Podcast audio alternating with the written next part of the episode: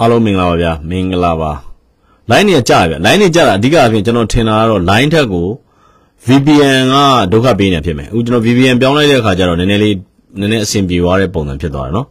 ဆိုတော့အခုကအခုနကျွန်တော်ပြောလို့ကျွန်တော်တို့ကဟိုဒီနေ့ကဟိုဆွေးနွေးမယ့်အကြောင်းအရာကျွန်တော်တို့ပြောထားပြီးတဲ့အတိုင်းပဲဘာတွေဆက်ဖြစ်မလဲဆိုတာပေါ့နော်ဘာတွေဆက်ဖြစ်မလဲဆိုတဲ့ဟာကိုဟိုကျွန်တော်ဟိုနေဖြစ်တာလေဆိုတော့အားလုံးမင်္ဂလာပါဗျာမင်္ဂလာပါ ဆိုတာဟိုဘက်မှာကိုသက်နိုင်ကလည်း live လွှင့်နေဆိုတော့ကိုသက်နိုင် live နေနေသွားပြီးတော့ဟိုစုံလို့ဖြစ်နေနော်စုံလို့ဖြစ်နေတော့နည်းနည်းတော့ဟိုနေဖြစ်တာဒါပေမဲ့ဘာမှဖြစ်ပါဘူးရပါတယ်သူလည်းဟိုကျွန်တော်တို့ကအကြောင်းအရာလေးတွေမှာသိမတူတာကျွန်တော်ကအအဓိကကဘာတွေဆက်ဖြစ်မလဲဆိုတာကိုအဓိကပြောချင်တာဘာလဲဆိုတော့လက်ရှိအနေအထားမှာအားလုံးသိတဲ့အတိုင်းပဲနိုင်ငံတော်အင်ဆောင်အစိုးရကနိုင်ငံရေးပါတီတွေကိုဟိုမှတ်ပုံနေနော်ပြန်ပြီးတော့ register ပြန်လုပ်ဖို့အတွက်ကိုဟို ပြောရရင်လက်ရှိဟိုနေပေါ့ရွေးကောက်ပွဲကော်မရှင်က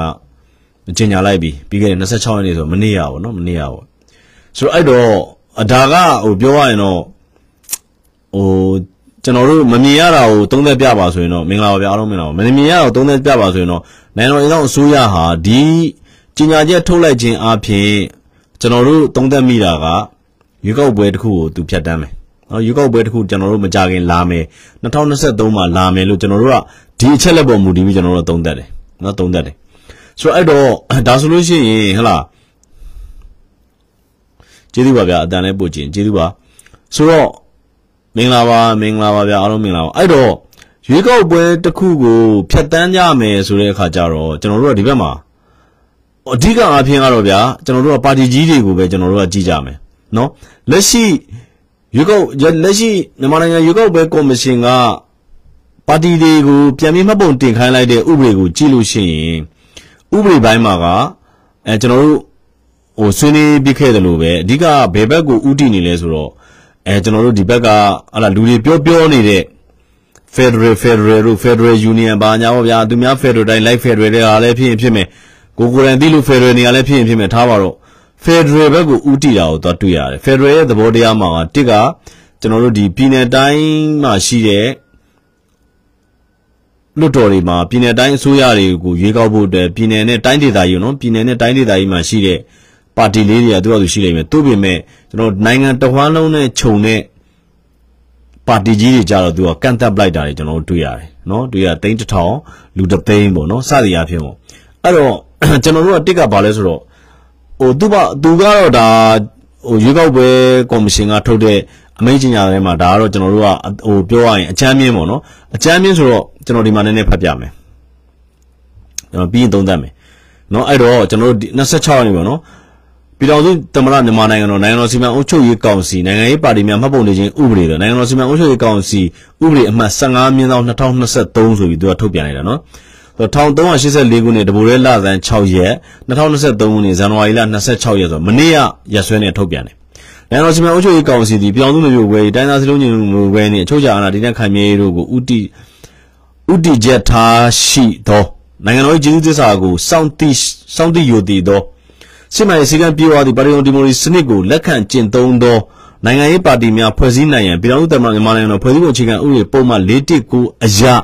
အဥပဒေကိုပြဋ္ဌာန်းလိုက်သည်ဆို အဲ့တော့ဗျာတစ်ချက်ကကျွန်တော်ကဒီဟာလေးကိုကျွန်တော်အစားဆုံးကျွန်တော်မဖက်ပြခင်နော်ဒီလက်ရှိဒီရွေးကောက်ပွဲကော်မရှင်ကထုတ်ပြန်လိုက်တဲ့နိုင်ငံရေးပါတီများမပုံတင်ခြင်းဥပဒေမဖက်ပြခင်ကျွန်တော်တခုပြောချင်တာဘာလဲဆိုတော့အဲ့ဒါကအဓိကဆိုတော့ comment want to be comes on okay ဆိုတော့အဓိကကတစ်ဖက်ကအုပ်စုတွေပြောနေတာကဒီနိုင်ငံတော်အင်ဆောင်ဆိုရကကျင်းပမဲ့ရွေးကောက်ပွဲဟာ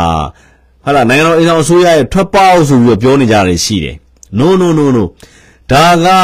မင်းတော်ကောမင်းလို့စားပါတီတွေတော့တဲ့ဖြက်ဖြက်လူနေပြီကိုရဲ့အဲ့တော့ကျွန်တော်ပြောပြမယ်လက်ရှိရွေးကောက်ပွဲဟာနိုင်ငံတော်အင်ဆောင်အစိုးရရဲ့ထွက်ပေါက်မဟုတ်ဘူးနိုင်ငံတော်အင်ဆောင်အစိုးရထွက်ပေါက်မဟုတ်နိုင်ငံတော်အင်ဆောင်အစိုးရကပြောရရင်သူ့အောက်သူစတက်လာတဲ့ဟိုဥပဒေနဲ့အညီတက်လာတဲ့အတွက်သူ့ရှိမှထွက်ပေါက်ကရှိပြီးသားဒီအတွက်ကကျွန်တော်တို့ဟိုပြောရရင်ဟိုအားလုံးလည်းသိပြီးသား နော်အဲ့အတွက်ကိုကျွန်တော်တို့ကတိတိညက်တော့ဟိုကြောပါသေးရဲ့လေကံမငင်းနဲ့ဒီရွေးကောက်ပွဲက NLD ကိုထွက်ပေါက်ပေးလိုက်တာ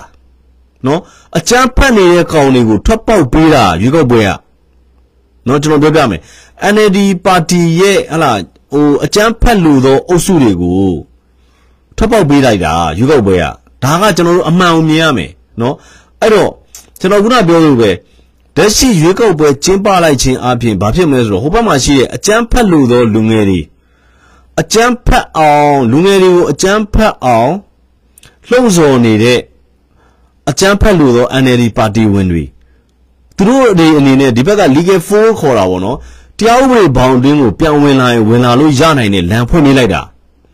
နိုင်ငံတော်အအောင်ဆိုရဟာတက်လာကြတဲ့ကူကဥပဒေနဲ့အညီတက်လာတဲ့အတွက် သူ့အနေနဲ့ထွက်ပေါက်တွေပလာဝင်ပေါက်တွေမလို့ဒီချက်တူကောင်းနေမထည့်ဘူးနောက်တစ်ခုကကျွန်တော်တို့အမြဲပြောနေတာရှိတယ်နော်ဒီပြောရလို့ရှိရင်ဒီလက်ရှိနိုင်မြန်မာပြည်ကိုနိုင်ငံရေးအကျက်တဲစီးပွားရေးအကျက်တဲပုံတရအမျိုးမျိုးနဲ့အကျက်တဲဖြစ်နေအောင်လုပ်နေတဲ့အုပ်စုတွေဟာဒီလူတွေပဲဟုတ်လားတားစင်မြေးဆက်ဘိုးစင်ပေါင်ဆက်လုပ်နေတာပဲဟုတ်လား62ခုနှစ်နိုင်ငံတော်အာဏာကို ထိမ့်လိုက်တာကိုနော်ဘယ်လိုခေါ်မလဲမကျေနပ်တဲ့အုပ်စုတွေဒီအုပ်စုတွေကနေပြီဟုတ်လားအဲ62ခုနှစ်မှာအခုရဲ့အခုလက်ရှိဟလာအခုလက်ရှိနိုင်ငံတော်ဂျင်းနဲ့ချက်တဲ့ရောက်အောင်လုပ်နေတဲ့လူတွေရဲ့အဖိုးအဖွားတွေပေါ့ဗျာ62ခုနှစ်မှာဟုတ်လားသူတို့တွေကနေပြီးသူတို့အဲ့ချိန်မှာသူတို့သူတို့တွေအဲ့မှာဟိုဘယ်လိုခေါ်မလဲတိုင်းပြည်ကိုဟိုပုံစံတစ်မျိုးနဲ့ဟိုရုပ်ပြတ်တယ်ပြီးတော့88မှာကြတော့အဲ့62ခုနှစ်ကလူတွေရဲ့သားတွေမြေးတွေက88မှာအော်ပြီးတော့2000ခုမှာကြတော့88အဲ့အဲ့62ခုနှစ်ကပဲလူတွေရဲ့ ရွှေမျိုးတွေပဲဟောပြီးတော့ဒီအခုကြာ2021ကြာတော့လေဒီ62ခုနှစ်မှာရှိတဲ့လူတွေရဲ့အမျိုးတွေပဲလူသိမပါလာဘူးကျွန်တော်တို့အမြဲပြောပြဘာလို့လဲဆိုတော့ကျွန်တော်တို့က88ခုနှစ်ထဲကကျွန်တော်88မှာကျွန်တော်တို့နိုင်ငံရေးကိုပြောရရင်ကျွန်တော်တို့ပြောပြတယ်လက်ရှိဟလားဟုတ်လားဟိုပြောရရင်ကျွန်တော်ဒါလည်းပြောရရင်များဒီအကြီးကိုကျွန်တော်ကအမြဲတမ်းကြောင်ကြောင်ဝင်သလိုဖြစ်နေတယ်လက်ရှိဒေါ်အောင်ဆန်းစုကြည်ဆိုကျွန်တော်တို့ကမြန်မာနိုင်ငံရေးကို3လကြိုပြီးတော့ကျွန်တော်တို့လုပ်တယ်ကျွန်တော်တို့အမြဲပြောတယ်နော်ဆိုတော့အဲ့တော့ ဒီ88မှာပါဝင်ခဲ့တယ်ဟဲ့လားခင်ဗျားတို့လိုက်ကြည့်ကြည့်လိုက်ဟဲ့လားမြာအေးတို့ဘာတို့ပေါ့ဗျာထားမြာအေးဆိုတော့ပြောရင်88တုန်းကပြောရင် Ghost Star မှာဗျာလူခေါ်ချက်သက်အရက်ဝယ်ဗျာနော်လက်ရှိခင်ဗျားတို့ဟဲ့လားဘာညာဖြစ်နေတဲ့မြာအေးဆိုတဲ့လူကကျွန်တော်တို့88တုန်းက Ghost Star ဆိုဦးမောင်ထုံလေးလန်းကနော်ခင်ဗျားတို့အခုပြောနေဟိုဟိုဆရာကျွန်တော်တို့ဆရာဆိုင်းပေါ့ဗျာသူ့ကိုကျွန်တော်တို့ Ghost Star မှာအဲဥယံကျော်ပေါ့နော်ကိုရံကျော်ကိုရံကျော်တို့ပါတီမှာမြာအေးဆိုတာကပြောရရင်လူခေါ်ချက်သက်အရက်ဝယ်အဆင့်ပဲရှိတယ် ကျွန်တော်တို့အစည်းအဝေးတွေပဲလုပ်နေတဲ့အချိန်မှာမြာအေးကအောက်မှာသွားပြီးတော့လက်ဖက်ရဝယ်ပေးရတယ်နော်မောင်မြာအေးကအောက်မှာသွားပြီးတော့ဟာចောင်းသားလေးညီလေးတို့အာကတကလေးတွေသမင်းစားမလားသွားဝယ်အဲ့တုန်းကဆိုလို့ရှိရင်ကျွန်တော်တို့အဲ့ Ghoster ကဒီမော်တော်လေးလန်းထိတ်မော်တော်လေးလန်းနဲ့မော်တော်လေးလန်းမှာရှိတဲ့ဟိုကျွန်တော်တို့ဆွနီဂျာမိန်ဘလင်းတွေကြအဲ့ဒီဘလီအောက်မှာကျွန်တော်တို့ဟိုထမင်းလိုက်လေးဆိုင်ရှိတယ်နော်ဘဲဦးနဲ့စားရင်ငါးမက်လာမသိဘူးပေးရတယ်နော်ဘဲဦးနဲ့နော်ဘဲဦးချင်းနဲ့ဆိုငါးမက် အဲကြက်သားတို့စိတ်သားတို့နဲ့ဆိုရင်တစ်ချက်ခွဲလားမသိဘူးပေးရတယ်ငါးမက်ဆိုတာဗျာပြောရရင်တစ်ချက်နဲ့တစ်မက်ကိုခေါ်တာနော်ဒါဒီခေတ်လူငယ်တွေသိချင်တော့သိမယ်နော်ကျွန်တော်88တုန်းကအဲ့အချိန်မှာကျွန်တော်တို့ကတစ်ခါလေကြားလို့ရှိရင်ထမင်းစားကျွန်တော်ကြအပေါ်မှာအစည်းအဝေးရအရေးကြီးတယ်ကျွန်တော်ကပြောရလို့ရှိရင်တိုင်းကော်မတီထဲမှာပါတယ်နော်အခြေခံမြန်အကြောင်းသားကတမကအာဂတမှာကျွန်တော်ရန်ကုန်တိုင်းကော်မတီထဲမှာပါတယ်ဗဟန်းမြို့နယ်ဥက္ကဋ္ဌဒါဒါဒါနော်ဒါကျွန်တော်တို့က ဒါဟိုပြောရရင်ဒီအချိန်ကြမှာလာမငင်းကြနဲ့အဲ့ဒီအချိန်ကိုကျွန်တော်တို့လူမိုက်လောက်တာပေါ့ဗျာဗဟန်းမြို့နယ်ဥက္ကဋ္ဌဘယ်လိုလုပ်မလဲတကောင်းမှမလုပ်ရကြဘူးလीနော်အခုခင်ဗျားတို့ဟလာချိပါထားပါကျွန်တော်နာမည်ထုတ်မပြောတော့တငယ်ချင်းတွေချိပါနော်ဟိုလောက်ကင်နေကြတဲ့အခုကတော့သူတို့လည်းဟိုနိုင်ငံရေးမှာမပါတော့ပါဘူးကျွန်တော်တို့ကဒါပြောရရင်ဟိုဟို journalist တယောက်အနေနဲ့ဒီကနေ့အထိနိုင်ငံရေးမှာစီးမျောနေတာပါနော်ထားလိုက်အဲ့တော့ ကျွန်တော်တို့ကအဲ့မှာဟိုဘာခေါ်မလဲအစည်းအဝေးအရေးကြီးရဲ့ဘာညာဆိုရင်မောင်မြအေးကိုရောက်လာတယ်ရောက်လာပြီးကလေးတွေမင်းတို့ထမင်းစားပြီးလာသူလက်ဖက်ရည်သွားဝယ်ပြီးလက်ဖက်ရည်တစ်ချက်ဘိုးဆိုကျွန်တော်အများကြီးရတယ်ဗျာနော်လက်ဖက်ရည်သွားဝယ်အီချာကွေးတစ်ချောင်းကိုကျွန်တော်ထင်တယ်ပြား30လားမသိဘူးပြား30ဆိုတာတမန်စီတစ်စီရဲ့9ပြားစီတစ်စီရဲ့ကျွန်တော်ပြား30နော်ဟိုတမန်စီကို25ပြားလို့ခေါ်တာကိုပြား30အီချာကွေးတစ်ချောင်းအဲ့မှာမြာရေးတို့ရောက်လာမယ်မြာရေးကအဓိကအပြင်လူခေါ်ချက်သက်အရက်ဝယ်ကျွန်တော်ပြောပြတာဘာကြောင့် तू ကနည်းနည်းလေးဖြစ်သွားတာလဲဆိုတော့ပြောရရင် အဲ့အချိန်မှာဟိုကပေါ်ဦးတို့ဘာလို့ဗျာပေါ်ဦးတို့ဟလာအခုကေကျူးတို့ထောင်ထဲဝင်နေတယ်ထောင်ထဲဝင်တဲ့အချိန်မှာဒီကောင်ကနည်းနည်းလေးចောင်းသားဒီကောင်ကကျွန်တော်ထင်တယ်မြာအေးကအဲ1990ရွေးကောက်ပွဲပြီးမှဒီကောင်ဆောင်းမြကပုံမှန်နဲ့တွင်းလိုက်တယ်မြာအေးက1990မှာထောင်ကြတာနိုင်ငံရေးနဲ့ကြတာမဟုတ်ဘူးဆောင်းမြကပုံမှန်နဲ့ကြတာထားလိုက်ပါတော့ဒီကောင်နေချောင်းကျွန်တော်ကောင်းကောင်းသိတယ်အဲ့လိုဒီကောင်ထောင်ကြတယ်ခင်ဗျားစဘယ်လောက်လဲလဲဆိုနော် ဒီခုနေ့ပြောရရင်မြာအေးရဲ့သမီးဝင်နေဝင်တုံတို့ပေါ့သာကျွန်တော် British ကိုနေကနေပြီးသွားတာဗျဒီဒီဒီ British Council ကနေသွားကြတာဒီသူတို့အင်္ဂလန်ကိုသွားကြတာဗျာထားလိုက်ပါတော့ဒီသမိုင်းတွေအကုန်လုံးကကျွန်တော်တို့သိတယ်เนาะထားလိုက်ကျွန်တော်ပြောချင်တာဘာလဲဆိုအဲ့တော့ အဓိကအဖြစ်ကလက်ရှိအနေအထားမှာခင်ဗျားတို့ကြိုက်တဲ့နေရာကိုခင်ဗျားတို့ကြည့်ကြည့်လိုက်နော်အခုခင်ဗျားတို့ပြောနေတယ်အခုအမေရိကကိုရောက်ပြီးတော့ပျော်ပျော်ရွှင်ရွှင်ကြီးကိုဗျာကာလာစတုန်းဆိုတဲ့ကောင်ဟုတ်လားဟိုကာလာဂရုံးပေါ့နော်ကျွန်တော်ပြောတာကာလာဂရုံး ကာလာကတုံးကနော်ကာလာကကျွန်တော်မြဲပြောရနော် DVB တို့ VO တို့ RFA တို့မှာခင်ဗျားတို့သတင်းတောက်ဖြစ်ချင်ရင်ခင်ဗျားတို့မိဘတွေကနိုင်ငံရေးအကျဉ်းသားဖြစ်ဘူးရမယ်ဘာညာပြောတယ်နော်ကျွန်တော်ပြောပြရနော်အဲ့ကာလာစတုန်းဆိုတဲ့ဟလာဟိုပါလဲရဲဝင်းသူလားဒီကောင်လေးဒီကောင်လေးဆိုရင် तू ပြောပြ तू ပြောလို့ကျွန်တော်တို့သိရပါပထမတော့ကျွန်တော်တို့ကမသိဘူးအာကျွန်တော်အဖေကလည်းဘာညာဟလာနိုင်ငံရေးနဲ့ထောင်ထဲမှာကျွန်တော်တို့မျိုးဆက်တွေကကျွန်တော်တို့မိသားစုတွေကနိုင်ငံရေးနဲ့ထောင်ထဲမှာကြာဘူးတဲ့ဘာညာဆိုပြီးပြောတော့အဲ့တော့ ကျွန်တော်တို့ပြောခဲ့တယ်လို့ပဲဒီ color stone ဆိုတဲ့ကောင်လေးကလည်းပြောရရင်အဲ့ဒီ62ခုနှစ်မှာဦးနေဝင်းအာနာသိန်းတာကိုမကျေနပ်တာကနေပြီးအဲ့လိုပေါ့နော်ဟိုပြောရလို့ရှိရင်ခွေးနှကောင်ကိုက်ရင်လည်းနိုင်ငံရေးထဲတာပဲနော်ဟိုကចောင်းသားတွေကားနဲ့ဟလာအဲ့တုန်းကဆိုရင်ကျွန်တော်တို့ဟိုနေပါဗျာအဲကျွန်တော်တို့ငငယ်ရဆို88ကာလာဆိုရင်ကျွန်တော်ထင်တယ်ဗျာအဲ့တုန်းကအာပေါ်ပြီအဲ့တုန်းအဲ့ဟိုနေနေပေါ့နော်ကျွန်တော် highlight ကားတွေ highlight ကားတွေကျွန်တော်45ထင်တယ်ဗျ ကျွန်တော်တို့ဗဟန်းနေပြီးတော့ဒီ RC2 တို့เนาะဒီ main တွေတို့သွားလို့ရှိရင်เนาะဟို45စီးရတယ်ဟုတ်တယ်45တို့ပါတော့ပေါ်နေပြီเนาะဆိုတော့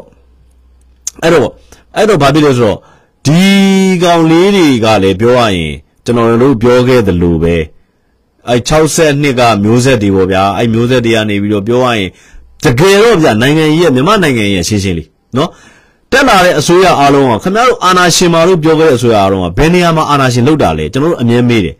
တကယ်အာဏာရှင်မှာဆိုလို့ရှိရင်များကျွန်တော်တို့မြန်မာလူမျိုးတွေအနေနဲ့လက်ခံမလားမြန်မာနိုင်ငံသားတွေလောက်လွတ်လပ်တာမြန်မာနိုင်ငံသားတွေပဲရှိတယ်လीနော်ဆိုတော့ပြောရရင်ဘူးဒီလီထိုးမှုကိုနော်ဟိုဘယ်လိုခေါ်မလဲခဏဗျာကျွန်တော်နည်းနည်းလေးနည်းနည်းနည်းနည်းလေးစကလုံးလေးနည်းနည်းကြမ်းမယ်ကြောပါသေးရဲ့စစ်စပတ်အနာလောက်တာ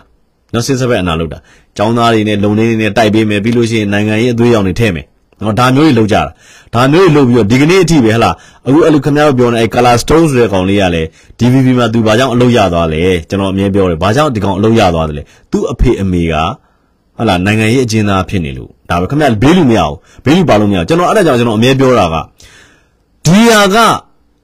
ဟိုသူတို့တမိုင်းလေးတောင်ဝင်ရလုံနေတာမြန်မာပြည်မှာနိုင်ငံရေးအကျက်တည်းကအဲ့လောက်ဘယ်တော့မှမရှိခဲ့ဘူး เนาะကျွန်တော်ပြောပြမယ်အားလုံးဟာတက်မတော်အစိုးရလက်ထက်ဟိုမှာဗိုလ်ချုပ်မူကြီးတန်းရွှေလက်ထက်မှာလည်းနိုင်ငံရေးသမားတွေနဲ့တက်မတော်ကြားမှာထွက်ပေါက်တွေရှိတယ်နော်ထွက်ပေါက်တွေရှိတယ်ဆိုတော့ဒီဘက်မှာဟာလာဒီဘက်ဦးသိန်းစိန်လက်ထက်နိုင်ငံရေးအစိုးရလက်ထက်ဖြစ်လာတော့လေနိုင်ငံရေးသမားနဲ့တက်မတော်ကြားမှာထွက်ပေါက်တွေရှိတယ်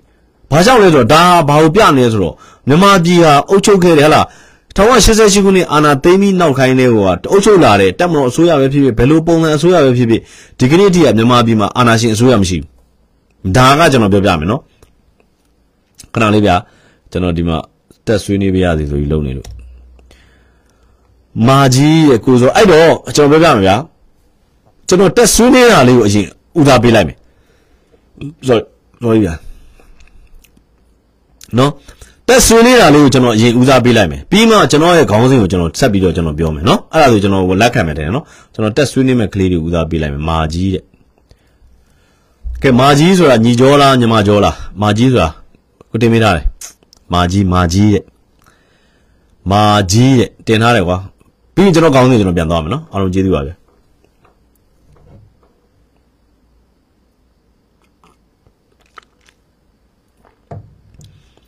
မာကြီးမာကြီး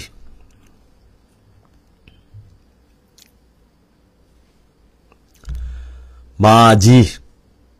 မာကြီးကျွန်တော်တင်ထားရဗျမာကြီးကျွန်တော်တင်ထားတယ်မာကြီးတဲ့မာကြီးမရရင်ကျွန်တော်နောက်တစ်ယောက်တင်ပေးမယ် sorry okay let's go ကိုဇော်ကိုဇော်ကိုဇော်ကိုဇော်တင်ထားတယ်ကိုဇော်ကိုဇော်နော်ကိုဇော်မင်္ဂလာပါဗျာအားလုံးမင်္ဂလာပါမင်္ဂလာပါမင်္ဂလာပါကိုဇော်ကိုဇော်တဲ့တင်ထားတာနော်ကိုဇော်ကိုဇော်တစ်ချက်လက်ခံပေးပါကိုဇော်ကိုဇော်မင်္ဂလာပါဗျာအားလုံးမင်္ဂလာပါမင်္ဂလာပါမင်္ဂလာပါမင်္ဂလာပါဒီနေ့ကတော့အမှန်မှန်တော့ကျွန်တော်တို့ကရွေးကောက်ပွဲအတွက်ကိုနိုင်ငံရေးပါတီတစ်တီ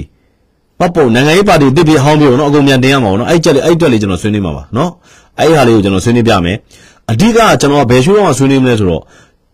မာကြီးမာကြီးညီလေးတင်ထားတယ်ညီလေးလားညီမလေးလားတင်ထားတယ်မာကြီး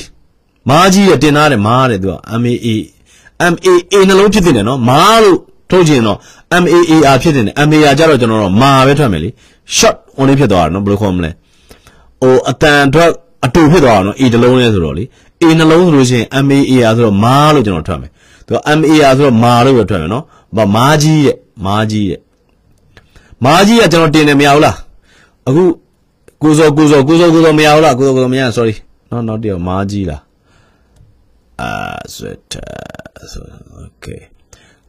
မာကြီးမာကြီးကျွန်တော်တင်လာမယ်မာကြီးဆက်လက်ခံပြီးတော့မာကြီးမင်္ဂလာပါမင်္ဂလာပါမင်္ဂလာပါ မာကြီးဆက်လက်ခံပြီးတော့မာကြီးမာကြီးရဲ့သူသူ့နာမည်မာကြီးတဲ့မင်္ဂလာပါဗျာမာကြီးအမေမေအမမမာလို့ပြောချင်းအင်းနှလုံးအင်းနှလုံးဖြစ်တယ်နော်အင်္ဂလိပ်ပါလေအင်္ဂလိပ်မှာသူကဟိုဟိုကျွန်တော် code pronunciation နဲ့ short pronunciation နဲ့ long pronunciation အတွက်ကိုနှလုံးဆင်းရမှာနော်မင်္ဂလာပါဗျာမင်္ဂလာပါမာကြီးမာကြီး မာကြီးချက်လက်ကမေးပါမာကြီးမြတ်ကျွန်တော်နောက်တစ်ယောက်တင်မယ် no နော်မရအောင်နော် sorry okay ကျေးဇူးမာကြီးမရဘူးကိုဇော်ကိုဇော်တစ်ချက်အကြောင်းပြန်ပြီကိုဇော်ကိုဇော်ကျွန်တော်တင်ထားတယ်တစ်ချက်အကြောင်းပြန်ပြီရတယ်မရဘူးအကြောင်းပြန်ပြီကျွန်တော်တင်ထားတယ်ကိုဇော်ကိုဇော်ကိုဇော်ကိုဇော်ကျွန်တော်တင်ထားတယ်တစ်ချက်လောက်အကြောင်းပြန်ပြီ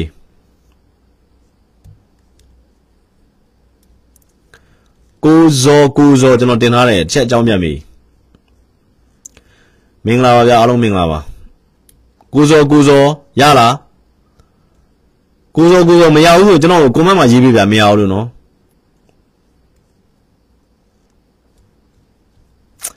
ဆွေးနွေးမယ်ဆွေးနွေးမယ်ကျွန်တော်တို့မရအောင်နော်ကိုဇော်ဟုတ်ကဲ့ကျေးဇူးပါဗျာကျေးဇူးပါဗျာโอเคโอเคနောက်ကျွန်တော်နောက်တစ်ယောက်ကြည့်မယ်ကိုဇော်ကိုဇော်မရဘူးမားကြီးမရအောင်နော်โอเคဆိုတော့အဲ့တော့ လက်ရှိမြန်မာပြည်ကိုနိုင်ငံရေးစီးပွားရေးနော်အဓိကအကြက်တဲဖြစ်အောင်လုပ်နေတာတွေအားလုံးကအဲ့သူတို့မျိုးဆက်တစ်ခုပဲအဲ့ဒီမျိုးဆက်ကပေါက်ဖွာလာတာပဲလူသိမရှိဘူးကျွန်တော်အမြဲပြောပြလူသိမရှိဘူးလူသိဝင်တာနဲ့ဝိုင်းကြိတ်ခံရတာနော်ခင်ဗျားတို့တွေ့တဲ့အတိုင်းပဲအဓိကထားပါတော့အခုဟုတ်လားကျွန်တော်တို့မင်္ဂလာပါဗျာမင်္ဂလာပါဟုတ်ကဲ့မင်္ဂလာပါဆိုတော့ခင်ဗျားတို့အခုကျွန်တော်တို့စင်ကာပူကဒေါ်အိုင်ယန်နော်ဒေါ်ကျွန်တော်တို့ကပရမဒေါ်အိုင်ယန်အိုင်ယန်နဲ့ခေါ်ရဗျာ နည်းနည်းလေးပေါ့ဘူတန်လေးပေါက်ပြီးခေါ်တယ်သူကအိုင်ယန်လုပ်ပေးပါဆိုဒေါ်အိုင်ယန်ပေါ့နော်စင်ကာပူကဒေါ်အိုင်ယန်တွေ့လားနော်စင်ကာပူကဒေါ်အိုင်ယန်ကိုခင်ဗျားဒါလူသိပဲဒါကျွန်တော်တို့သိရဒါသူရှိမှနိုင်ငံရေးမျိုးဆက်မရှိဘူးဘေးကနေဘေးတီးတဲ့လူတွေရဲ့စွလို့နော်မခံကျင်စိတ်ပေါ့ဗျာကျွန်တော်အဲ့ဒါပြောတာနိုင်ငံရေးမှာခမားမကြိုက်ရင်မကြိုက်ဘူးလို့ပဲပြောဟုတ်လားဘေးလူတွေငါမကြိုက်လို့မင်းတို့လည်းမကြိုက်ရမယ်ဟေ့ဆိုပြီးတော့မလုပ်ပါနဲ့ကျွန်တော်တို့ပြောချင်တာအဲ့ဒါနော်ဆိုတော့အခုမြန်မာနိုင်ငံရေးကဟို မရှုပ်တဲ့မဲရှုပ်သွားတာတွေတော်တော်များများကဟဲ့ငါတို့တော့မကြိုက်ဘူးမင်းလည်းမကြိုက်ဘဲနေရမယ်ဆိုပြီးတော့ဖြစ်သွားတာဟဲ့ငါတို့တက်မလို့မကြိုက်ဘူးမင်းတို့လည်းတက်မလို့မုန်းရမယ်ဆိုပြီးတော့ဒါမျိုးတွေပြောရရင်လှုပ်ဆော်ခံရတာလှုပ်ဆော်မှုတွေများလာလို့လူတွေကပြောရရင်ဗျာအခုဆိုဟဲ့လားဒီ2021ဆိုပို့ပြီးတော့တော့ဟိုဘယ်လိုခေါ်မလဲတိတာသေးတယ်နော်ဒီဂျေးရှက်ရဲ့ဂျေးရှက်ရဲ့ဒီကောင်ဟိုနေ့မှာဘယ်လိုခေါ်မလဲဘီဟိုနေ့အန်တုမှုပေါ့နော်နိုင်ငံရေးအန်တုမှုဆိုတဲ့ ဒီ formula ကြီးရဲ့ဝင်သွားပြီးတော့ဟာလားသူတို့ဟာလားအကယ်၍နိုင်ငံတော်အာဏာကိုပြန်လို့ချင်းဟာလားဘာလဲအခုပြောတယ်က CDN လောက်ရမယ်လို့အော်ဘာ SP ပေါ့ social punishment လုပ်ပြမယ်လို့ဆိုတော့ဝန်ထမ်းတွေကကျွန်တော်ပြောတာရှင်းရှင်းလေးလေးဟုတ်ပြီဝန်ထမ်းတွေအနေနဲ့ CDN လောက်ကြပါဒီလောက်ပဲလုပ် CDN မလုပ်တဲ့ဝန်ထမ်းတွေကိုတတ်ပြစ်မယ်လို့ CDN မလုပ်တဲ့ဝန်ထမ်းတွေကိုဟုတ်လား social punishment လုပ်မယ်လို့ဆိုတာဒါကဘာလဲဆိုတော့ဒါဝန်ထမ်းတွေရဲ့ဆန္ဒမဟုတ်ဘူးကျွန်တော်တို့သိတယ်နော်ကျွန်တော်တို့သိတယ်အတင်းအာတမ ချင်းကြောက်စီယုံခံရလို့ဒီဝန်ထမ်းတွေဟာလက်ရှိအနေအထားမှာတချို့ဆို CDN ဖြစ်တယ်နော်တချို့ဆိုရင်ယုံမတက်တော့တချို့ဆိုအလုပ်ပါထွက်သွားကြတယ်ဒါကအရင်သိတာတယ်ကျွန်တော်ပြောတာဒီမိုကရေစီကိုသွားခြင်းနဲ့ကိုယ့်ရဲ့အာဏာကို soft ဟာလာဟိုဘယ်လိုမလဲ soft propaganda ခေါ်တာပေါ့နော်ဟိုငိမ့်ချမ်းတဲ့နီးနဲ့ဟို propaganda ဆိုတော့ကျွန်တော်ဘာခေါ်မလဲဝါဒဖြန့်ချီလုပ်ချင်တယ်ဆိုလို့ရှိရင် punishment မလာနဲ့နော် ဥပမာ CDM မလုပ်တဲ့လူတွေကိုတတ်ကြဟေး CDM မလုပ်တဲ့လူတွေကိုဟုတ်လားခုနပြောလို့ social punishment လုပ်ကြဟေးဆိုတာဒါ punishment ပေါ့နော်အပြစ်ပေးတဲ့ဟာတွေနဲ့လာတာဒါတွေကဘာလဲဆိုတော့ကျွန်တော်တို့ကအဲ့ဒါကြောင့်မလို့နိုင်ငံတော်အင်အောင်ဆိုရလက်ရှိဟုတ်လားဘယ်လိုမျိုးမင်းအောင်နိုင်ကစိတ်ရှည်နေတယ်ဆိုတာဒါကိုပြောတာဘာကြောင့်လဲဆိုတော့အခု period ထဲဝင်သွားတဲ့ကလေးတွေတော်တော်များများဟာထားပါတော့ဗျာသူတို့တငယ်ချင်းချင်းတွေလက်ဖက်တိုင်ထိုင်ကြတယ်လက်ဖက်တိုင်ထိုင်လက်ဖက်တိုင်မဟဲ့အောင်ငါတော့ PDF လုပ်မယ်မင်းတို့မလုပ်ဘူးလားမလုပ်လို့ရှိရင်မင်းစောက်ကြောက်ပဲမင်းငကြောင်ပဲဆိုပြီးတော့ဒီလိုမျိုးပုံတံအမျိုးမျိုးနဲ့လှက်ပတ်ပြီးတော့စီးရုံးခံရလို့တငယ်ချင်းရဲ့ဘယ်လိုခေါ်မလဲတန်ရောစင်နဲ့ PDF တဲ့ပါသွားတဲ့ကလေးတွေအများကြီးပဲအဲ့တော့ဒီကလေးတွေမှာပြောရရင်စစ်ပွဲဆိုတာဘာမှမသိဘူးတနက်ဆိုတာဘာမှမသိဘူးဘုံဆိုတာဘာမှမသိဘူးလက်နက်ကြီးလက်နက်ငယ်ဆိုတာဘာမှမသိဘူးအဲ့တော့ဒီဘက်မှာက နိုင်ငံတော်မှာနိုင်ငံတော်နဲ့ဟလာနိုင်ငံသားတွေကိုကာကွယ်ဖို့အတွက်ထားတဲ့တပ်မတော်ဆိုတာကဟိုပြောရရင် professional army လေဒီ army မှာကခင်ဗျာဘယ်လိုပဲဖြစ်ဖြစ်တနတ်တို့ဘုံလို့ဆိုတာဒီဟာတွေရဲ့ပြစ်အားကိုလည်းသိတယ်ဒီဟာတွေနဲ့ပြစ်ရင်ဟာလာဒီတစ်ချက်ကွဲရင်ဘယ်နှယောက်သိမယ်ဒီတစ်ချက်ကွဲရင်ဘယ်နှယောက်သိမယ်ဆိုတာလည်းသူတို့ကသိပြီးသားဆိုအဲ့တော့ဘာဖြစ်လဲဆိုတော့ဒီဘက်မှာအကြီးအကဲတွေကအဲ့ကိစ္စကိုသိလို့ထိန်းနေတာဒါရှင်းရှင်းလေးပဲနော်ဟိုပြောရရင်ဗျာတနတ်မပါပဲလူ900လောက်တက်လာတဲ့ လူအုပ်ကြီးကိုဒီဘက်မှာလက်နက်အပြည့်အစုံနဲ့တရင်တင်းမလို့လို့တက်စုတစုနဲ့နေအဲ့900လောက်က15မိနစ်အတွင်းဟိုပြောရရင်ဟိုပြပုံဖြစ်သွားနိုင်တယ်နော်ခဏလေးဗျာမာကြီးအောင်မိုးအောင်မိုးဆိုတော့ဟိုတယောက်ဗျာအောင်မိုးကကဲဗျာခင်ဗျားဆွေးနွေးခြင်းနဲ့ဆွေးနွေးရင်ကောင်းကဲအောင်မိုးကိုအောင်မိုးကျွန်တော်တင်ထားရဗျာနော်အဲ့တော့ကျွန်တော်ခုနပြောသလို အဲ့တော့ဒီဘက်မှာလက်နက်တွေအကြောင်းနောကျင်နေတဲ့တက်မတော်ကြီးကိုလုံးပိုင်ခွင့်အပြည့်မပေးတာနော်လုံးပိုင်ခွင့်အပြည့်မပေးတာလုံးပိုင်ခွင့်အပြည့်ပေးလိုက်ရင်ခင်ဗျာပြောရရင်အာတုဘတွေပုံလုံးထွက်ကုန်မယ်နော်ဒါရှင်းရှင်းလေးပဲဆိုတော့ဒါဒါခုနမာကြီးကသူမေးထားတယ် KB နဲ့မှာ DKB နဲ့ KNU ဘာလို့꿰တာလဲတဲ့နော်ကျွန်တော်အဲ့လေးပြောပြမယ်ပြောရရင်ဗျာ KNU တွေလို့စဖွဲ့တဲ့ကွာ तू ကဘာဖြစ်လဲဆိုတော့ KNU ဆိုတာ KNU မျိုးသားအစည်းအရုံးပေါ့နော် KNU မျိုးသားအစည်းအရုံးဘယ်ကစပေါ်လာလဲ KNU ဘယ်ကစပေါ်လာလဲဆိုတာလေးကိုကျွန်တော်ဟို short note လေးပြောပြောပြမယ်အဓိကက1940နဲ့နှစ်မှာထင်တယ်1942ဟုတ်တယ်1942မှာမြို့ဝကျုံးပေါ်မှာဟိုဂျပန်နေနဲ့ပတ်သက်ပြီးတော့ကရင်ဗမာအထီးကုန်းဖြစ်တယ်ဂျပန်နေနဲ့ပတ်သက်တာလည်းဘာကြောင့်လဲဆိုတော့အင်္ဂလိပ်ကဒီကျွန်တော်တို့မန္တလေးကိုကျွန်တော်တို့ဒီကမန္တလေးနန်းတော်ကြီးကိုတိမ့်လိုက်ပြီးတဲ့ကွာကျွန်တော်မြန်မာတက်မတော်ကိုဖျက်ဆီးလိုက်တယ်ဖျက်ဆီးပြီးတော့သူကဘာလုပ်လဲဆိုတော့ ဟိုအဓိကအပြင်တိုင်းရင်းသားဟိုနေနေတက်တွေဖွဲ့တာပေါ့ဗျာဒါကရင်တနက်ကင်တက်ရင်တို့ဟလာဗမာတနက်ကင်တက်ရင်တို့ရှမ်းတနက်ကင်တက်ရင်တို့ချင်းတနက်ကင်တက်ရင်တို့နော်နော်အဲ့လိုမျိုးတွေဖွဲ့တာဖွဲ့ပြီးတဲ့အခါကျတော့ तू ကဘာလုပ်လဲဆိုတော့အဲ့တလျှောက်လုံးဥမာကရင်အဓိကအပြင်ကရင်တနက်ကင်တက်ရင်တွေပေါ့နော်ကရင်တနက်ကင်တက်ရင်တွေအုပ်ချုပ်လာဒါပေမဲ့ဒိန်းဆိုပြီးတော့ဗိုလ်ချုပ်တို့ကနေပြီးတော့ဂျပန်ကိုခေါ်ချလာရဲဘော်သုံးကြီးကနေဂျပန်ကိုခေါ်ချလာတဲ့အချိန်မှာဘာဖြစ်လဲဆိုတော့အဲ့အချိန်ကစပြီးတော့မြန်မာတက်မတော် ရဲ့ရောင်နေတွေတန်းလာပြီအဲ့အချိန်မှာမြန်မာလူငယ်တွေကပြန်ပြီးတော့စစ်ပညာရေးပြန်သင်ကြားလာတယ်နော်စစ်ပညာရေးသင်ကြားလာပြီးတော့ဒီအင်္ဂလိပ်ကိုလိုနီကိုပြန်တိုက်ထုတ်မယ်ဆိုတဲ့ဟိုနေ့နေဖြစ်လာတယ်ဒါပေမဲ့အဲ့ဒီအချိန်မှာဘာဖြစ်လဲဆိုတော့အင်္ဂလိပ်ကိုလိုနီရဲ့တစ္ဆာခံနေတာကရင်တွေတော်တော်များတယ်နော်ကရင်တွေတော်တော်များတယ်အဲ့ကရင်တွေတော်တော်များများကလည်းမြို့ဝကျုံးပေါ်မှာနေရတယ်အဲ့တော့မြန်မာလူငယ်တွေကစီးယူနီဖောင်းပြန်ဝေးလာရတယ်တနက်ကိုတရားဝင်ကင်လာရတယ်ပြီးတော့စစ်ပညာကို ပြန်သင်ကြားလာရတယ်ဒါကပြောရလို့ရှိရင်ကျွန်တော်တို့မြန်မာနိုင်ငံရဲ့ဟလာဟိုပြောရလို့ရှိရင်1886ခုနှစ်မြန်မာနန်းနန်းတော်ကိုဒီအင်္ဂလိပ်တွေတိမ့်ပိုက်ပြီးနောက်ပိုင်းမှာမြန်မာလူမျိုးတွေကပြန်ပြီးတော့စစ်ပညာကိုတရားဝင်သင်ကြားလာရတာကရဲဘော်သုံးကျဲရဲ့ကျေးဇူးပါတယ်ဂျပန်တွေရဲ့ကျေးဇူးပါတယ်ဝင်လာတယ်ဝင်လာပြီးတော့အဲ့ခုနှစ်မှာကကျွန်တော်မြို့ဝကျုံးပေါ်မှာရှိတဲ့ကရင်တော်တော်များများကဒီဂျပန်တက်တွေကိုသူတို့ကပြန်တိုက်ထုတ်ဖို့ပညာလေးလုပ်တော့မြန်မာတွေနဲ့ညှိတယ်နော်မြန်မာပြောရရင် မြန်မာတက်မတော်ကရာရှိငယ်လေးနဲ့သွားညှိတယ်ညှိတဲ့အခါကျတော့ဂျပန်တွေကဘာပြောလဲဆိုတော့မင်းတို့ဒီလိုရှင်းနေလို့မရဘူးတဲ့ဂျပန်ကသွားတယ်သွားပြီးတော့မြို့ဝကျုံးပေါ်မှာကရင်ရွာတချို့ကရင်ရွာတော်တော်များများကိုပိတ်ပြီးတော့တချို့မီးရှိုက်မီးရှို့လိုက်တာပဲဖြစ်တယ်အဲ့မှာစောပေါဦးကြီးတို့ပါပေါ်လာဗျာထားပါစောပေါဦးကြီးတို့ပါပေါ်လာပြီးတော့ခုနအောင်မိုးဆိုတက်ခဲ့ရတယ်ကျွန်တော်ပြောမယ်နော်ခုနဖြစ်တယ်ပေါ်လာပြီးအမှဟိုကရင်အစည်းအရုံးပါညာဖြစ်လာဗျပြီးတော့လွတ်လပ်ရေးလည်းရလဲရအောင်ဗြိတိရှ်ကကမြောက်ပြီးတော့ဗျာထားပါတော့ဗိုလ်ချုပ်အောင်ဆန်းကိုတက်တာလဲဒီကရင် KNU တွေတက်တာပဲဒါပြောရလို့ရှိရင်နော် သူတို့အဲ့လိုပြောထားပါတော့အဲ့တော့ဗိုလ်ချုပ်အောင်ဆန်းကလည်းနောက်ဆုံးပြောရလို့ရှိရင်ဒေါခင်ကြီးကိုယူလိုက်တယ်ဆိုတာလည်းပြောရရင်ကရင်ဗမာချစ်ကြည်ဘာညာဆိုပြီးယူလိုက်တာပေါ့ဗျာနောက်ပိုင်းမှာသူကဘာတွေဖြစ်လဲမသိဘူးမသိဘူးဗျာထားပါဗျာနော်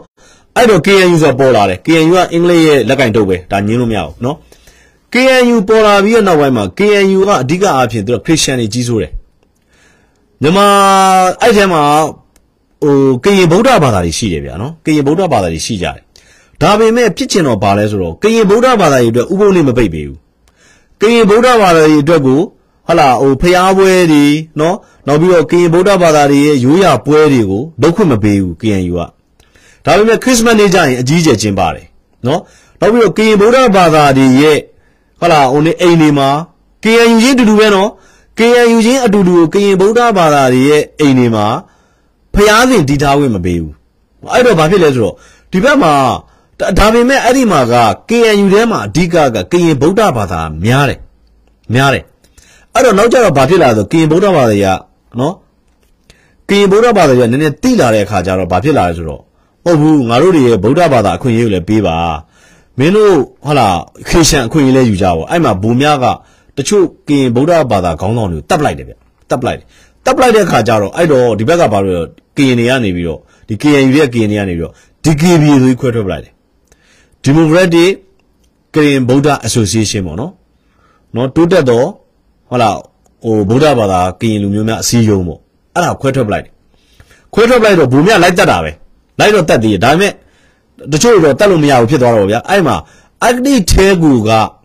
ဒါတော့ဘာသာရေးကြောင့်မပြောဘူးဗျာနော်ဘာသာရေးကြောင့်မပြောချင်ဘာလို့တော့ဘာသာရေးရဲ့ပုံတံအမျိုးမျိုးမှာကျွန်တော်တို့ရဲ့ဟိုမိတ်ဆွေတွေတငယ်ချင်းတွေရှိနေကြတယ်နော် ရှိနေကြတယ်အဲ့တော့ကျွန်တော်ဘာသာရေးအကြောင်းကိုတော့ကျွန်တော်မပြောချင်ဘူးเนาะဒါပေမဲ့ခင်ဗျားတို့အစွန်းရောက်တာတွေကိုတော့ရှော့ကြเนาะအဲ့တော့အဲ့ဒီမှာထားပါတော့အဲ့ဒီမှာဟို KNU ကနေပြီးတော့ဗုဒ္ဓဘာသာတွေကခွဲထွက်ပြီးတော့ Democratic Korean Buddha Association ပေါ့နော်တိုးတက်တော့ဟလာ Democratic ဟိုတိုးတက်တော့ကရင်ဗုဒ္ဓဘာသာဝင်များအစည်းအရုံးဆိုပြီးတော့ပြန်ခွဲထောင်လိုက်တယ်အဲ့ဒါ DKB ဆိုပြီးဖြစ်လာတာ ကျွန်တော်ထင်တာ60နော်အဲမြန်ကြီးငူဆရာတော်ရဲ့ကျေးဇူးတွေလည်းပါတာပေါ့မှန်ပါတယ်မှန်ပါတယ်နော်မြန်ကြီးငူဆရာတော်ဆိုတော့ဟိုနေ့ဖြစ်ပါအဲ့တော့အဲ့ဒီမှာဘာဖြစ်လဲဆိုတော့အဲ့ဒီမှာအာကရင်တော်တော်များများခွဲထွက်သွားတယ်ခွဲထွက်သွားပြီးတော့အာ KNU အကြောင်းသိသွားတယ်သိသွားပြီးတော့ကရင်တော်တော်များများကဘာဖြစ်လဲဆိုတော့ဒီဘက်ကတက်မတော်နဲ့ညှိညှိနှိုင်းနှိုင်းလုပ်ပြီးတော့သူတို့ရှေ့ဆက်သွားတယ်အဲ့မှာကရင်ပြည်နယ်တော်တော်ငြိမ်းချမ်းသွားတယ်လောကရင်ပြည်နယ်တော်တော်ငြိမ်းချမ်းသွားတယ် DKB ပေါ်လာတော့လေ ဆိုတော့ဒါပေမဲ့အဲ့မှာ KNU ကကွဲသွားတယ်ပေါ့ဗျာ KNU ကွဲသွားပြီးတော့ KNU အရင်အားနေသွားတယ်ဆိုတော့အဲ့လိုပေါ့ဒါဒါခုနတယောက်မေးလို့ပါကျွန်တော်ပြောပြတာနော်အဲ့တော့ဒါမြိုင်ကြီးငူဆရာတော်တို့ဘာလို့ဆိုတာလဲပွင့်လင်းပြောရလို့ရှိရင်မြိုင်ကြီးငူဆရာတော်ဆိုတာလဲသူတို့ကဟိုပြောရရင်အရန်ဘာသာတရားလိုက်စားတယ်ဗျနော်ကျွန်တော်တို့အဲကရင်ပြည်နယ်မှာရှိတဲ့ဗုဒ္ဓဘာသာဘုန်းတော်ကြီးတော်တော်များများကဟာလာအခုဖောက်ဆရာတော်ကြီးတို့ဘာလို့ဆိုလဲကျွန်တော်ထင်တယ်ကရင်ပြည်နယ်ကစပေါ်တာဗျနော် ဗုဒ္ဓဘာသာဘုန်းတော်ကြီးတော်တော်များများကတကယ့်ဘာသာတရားကိုဝိပဿနာကိုတော်တော်လိုက်စားတဲ့ဘုန်းကြီးတွေများတယ်များတဲ့ခါကျတော့တချို့တွေမှလည်းအစွမ်းအစတွေနော်အစွမ်းအစတွေရှိကြတယ်ပေါ့ဗျာထားပါတော့နော်အဲ့တော့ကရင်တွေကလည်းပြောရရင်များရိုးသားတယ်တော်တော်များများကကရင်ပြည်နယ်မှာရှိတဲ့ကရင်တော်တော်များများဗုဒ္ဓဘာသာများတယ်များတော့သူတို့ကဆရာတော်ကြီးတွေကိုယူသေးကြတယ်ကိုင်းဆိုင်ကြတယ်နော်အဲ့တော့ DKB တော်တော်အားကောင်းခဲ့တယ်အခုလည်းအားကောင်းပါတယ် DKB နော် DKB တော်တော်များများ BGF ပြောင်းသွားကြတယ်ပေါ့နော် ကျွန်တော်တို့ဦးသိန်းစိန်လက်ထက်မှာ BGF ဖြစ်ပြောင်းမှာ BGF ဆိုတော့ Border Guard Force ပေါ့နော်သူပြောရင်ဒါတွေကတရားဝင်နေဖြစ်ကုန်တာပေါ့နော်ကျွန်တော်အဲ့လိုမျိုးပေါ့အဲ့တော့ကျွန်တော်ပြောချင်တာကအဓိကအားဖြင့်ကဘာလဲဆိုတော့ဗျမြမနိုင်ငံရေးရဲ့နော်ပြောရလို့ရှိရင်မြမနိုင်ငံရေးကိုအကြက်တဲလုပ်နေတဲ့လူတွေမြမနိုင်ငံရေးကိုဟိုရှင်းနေတာကိုရှုပ်အောင်လုပ်နေတဲ့လူတွေတော်တော်များများကနော်တော်တော်များများကသူတို့မျိုးဆက်နဲ့သူတို့လာကြတာအစ်စ်ဝင်လာလို့မရအောင်အစ်စ်ဝင်လာလို့မရအောင်အစ်စ်ဝင်လာရင်လည်းဝိုင်းကျိတ်လိုက်တာပဲ ကနရှင်းရှင်းလေးအစ်စ်ဆိုဝိုင်းကျိတ်ပလိုက်တာပဲနော်ကျေးဇူးပါကျေးဇူးပါဆိုတော့အဲ့လိုအဲ့တော့ဘာဖြစ်လဲဆိုတော့အဓိကပြဿနာကကျွန်တော်တို့တတိုင်းပြည်ထဲမှာဒီနေ့ခေါင်းစဉ်လေးကောင်းတယ်ဗျအဲ့အကြောင်းလေးဆွေးနွေးခိုင်းပါအဲ့ဒါဆိုခဏတက်ခဲ့လေခဏကိုလာဆွေးနွေးလေမုံစိတ်နောက်တော့ဆိုတော့အဲ့တော့အဓိကအဲ့တော့ဘာဖြစ်လဲဆိုတော့ကျွန်တော်တို့လက်ရှိမြန်မာပြည်မှာဖြစ်ခဲ့ဖြစ်တဲ့ဒီနိုင်ငံရေးပြဿနာတွေတော်တော်များများက ဖြေရှင်းလို့ရနိုင်တဲ့ပြဿနာတွေနော်ဖြေရှင်းလို့အပေးယူဟုတ်လားတယောက်နဲ့တယောက်ဟိုမြတ်မြတ်ဟိုဘယ်လိုခေါ်မလဲအပြန်အလှန်ဆွေးနွေးခြင်းအပြင်ဖြေရှင်းလို့ရနိုင်တဲ့ပြဿနာတွေသို့ပေမဲ့ဘာကြောင့်လဲဆိုတော့ကျောင်းတော်ကရန်စားတွေဖြစ်လာတယ်နော်62ခုနှစ်မှာအာနာသိမ်းလိုက်တဲ့အချိန်မှာတချို့ဆိုရင်စီးပွားပြတ်သွားတယ်တော့နော်တချို့ဆိုရင်ယူသွားတာလည်းရှိတယ်တက်လာတာပဲကိုအောင်မို့ကျွန်တော်တင်တယ်လေကိုအောင်မို့အခုထိတင်လာတော့မယ်အခုထိတင်လာတော့မယ်လက်ခံလေ သူပြည့်လက်မခံပဲနဲ့နော်တချို့ဆိုလို့ရှိရင်62ခုနှစ်မှာအာနာသိမ်းတဲ့အချိန်မှာဟာလာဘလူကြီးနေဝင်အာနာသိမ်းတဲ့အချိန်မှာဆိုရှယ်လစ်စနစ်ကိုပြောင်းတော့တချို့အရင်းရှင်စီးပွားရေးမှာပါတယ်ဟာလာဟ roll and ride တို့ကုမ္ပဏီတို့ပါတချို့ကုမ္ပဏီတွေဟာတချို့တော်တော်များများပုဂ္ဂလိကပိုင်တွေကိုနိုင်ငံပိုင်သိမ်းခံရတယ်ရှိတယ်။နော်ကျွန်တော်အမြဲပြောပါတယ်ဒါကြီးအမြဲဆက်ဆက်ပြီးကျွန်တော်ပြောပြတယ်။အဲ့လိုသိမ်းလိုက်တဲ့အခါကျတော့တချို့တွေကတော်တော်လေးကိုဟိုပြောရရင်မြန်မာပြည်ကြီးကိုနာကျင်သွားကြတာ။တချို့ကြောင့်လည်းမြန်မာနိုင်ငံကိုနာကျင်သွားကြတာနော်။ ခင်ဗျားပြောတာ The Nation ဆိုတဲ့သတင်းစာကမြန်မာပြည်ကစထုတ်တာ။1962ခုနှစ်ဦးနေဝင်းအာဏာသိမ်းလိုက်တဲ့အချိန်မှာဦးလောယုံဆိုတဲ့လူကထုတ်တာ။နော်ဦးလောယုံဆိုနောက်ပိုင်း CIA ဖြစ်သွားတယ် The Nation ဆိုတဲ့သတင်းစာကထိုင်းကိုပြောင်းသွားတယ်နော်ထိုင်းကိုပြောင်းသွားတယ်ဆိုတော့အဲ့တော့သမင်းရှင်းသတင်းစာကကျွန်တော်ထင်တယ်ဗျမိမိမြဖူးတော့ပါဘူးကပြောရရင်ဦးလောယုံရဲ့မီးတွေဖြစ်မယ်ဗျဦးလောယုံဆိုတော့နောက်ပိုင်းကျတော့ဒီကျွန်တော်တို့ဦးလောယုံခြေရှုပ်ခဲ့တဲ့မြမြနိုင်ငံရေးဆိုတဲ့စာအုပ်တုပ်ထွက်ဖူးတယ်ထင်တယ်ဟုတ်တယ်ကျွန်တော်ဖတ်ဖူးတယ်ငယ်ငယ်က ဦးလောယုံကနောက်ပိုင်းအမေရိကန်နဲ့ပေါင်းပြီးတော့ဦးလူကိုဦးလူကိုတောခိုတဲ့အချိန်မှာလဲဦးလောယုံကြောင့်မလို့အဲပြောရရင်တော့လက်နက်တွေရတယ်လက်နက်တွေရလိုက်ပြီမယ်နောက်ပိုင်းမှာဦးလောယုံကဘာဖြစ်လဲဆိုတော့ဒီဦးနုနဲ့ပတ်သက်တာကို तू ကဟို CIA ရဲ့လက်အောက်ကိုဝင်ခိုင်းတော့ဦးနုကမဝင်ဘူးမဝင်တဲ့ခါကျတော့နောက်ဆုံးဦးနုပြန်ပြီးတော့မြန်မာပြည်ထဲကိုထွက်ပြေးရတာလေဦးလောယုံကြောင့်ပဲနော်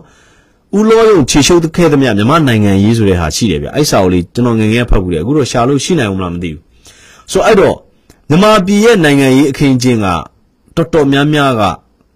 အမေရိကန်နဲ့အပေါင်းပါတယ်ပေါ့နော်ပြောရရင်သူတို့ရဲ့အုပ်စုတွေခြေရှုပ်ခဲ့ကြတာများတယ်များတယ်ဆိုတော့အဲ့ဒါတွေကိုနော်အခုလက်ရှိလူငယ်တွေသိစေချင်တယ်နော်အရင်လက်ရှိလက်ရှိအနေအထားအထိကိုခင်ဗျတက်မတော်ကမြန်မာနိုင်ငံရေးမှာပါဝင်နေဆိုတာရှင်းရှင်းလေးရှင်းရှင်းလေးခင်ဗျဘာမှရှုပ်တာတခုမှမပါဘူး သူတို့ပြောထားတဲ့စကားတွေအတိုင်းပဲသူတို့လုပ်တယ်နော်ခင်ဗျားတို့ပြောနေလို့အာနာရှင်တို့စစ်အာနာရှင်တို့ဆိုရင်ဥနေဝင်ဘယ်ဆင်းမလဲဗျာရှင်းရှင်းလေးပဲဟုတ်တယ်မလားဦးနေဝင်ဘယ်နဲ့အာနာလွတ်မလဲသူတပည့်လုံးမယ်သူတပည့်ရလားဟိုသူတပည့်သူမကြိုက်ဘူးဆိုရင်သူဖြုတ်ချမယ်ပြီးနောက်တစ်ယောက်တင်မယ်အဲ့လိုပဲဘုံယုံမှုတန်းရွှေဘယ်အာနာဆင်းမလဲဘသူဘယ်လုံးမှလွယ်ပြီမလားရအောင်ဦးသိသိဟလာသိသိမင်းလည်းတမနာမလုံးနဲ့ ကျန်တဲ့လူမလုံးနဲ့ငါပဲငါပဲအခုကျွန်တော်တို့ဟိုနင်းတို့ဗာလဲကျွန်တော်တို့အဲအာဖရိကမှာရှိပါတယ်ဟလာဟိုနိုင်ငံတိုင်းငံရှိပါတယ်အဲ့နိုင်ငံမှာရှိတဲ့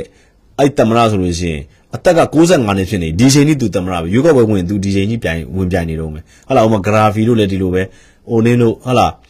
ကျွန်တော်တို့ဒီစရန်ဟူစိန်တို့လည်းဒီလိုပဲလေမြန်မာပြည်မှာဒီလိုမှမဟုတ်တာခမအခုဘလို့ပဲဖြစ်ဖြစ်ဥပဒုံကြီးမင်းအောင်လိုက်သူပြီးရွေးကောက်ပွဲပြီးလို့ရှိရင်သူပြောတာရွေးကောက်ပွဲပြီးရင်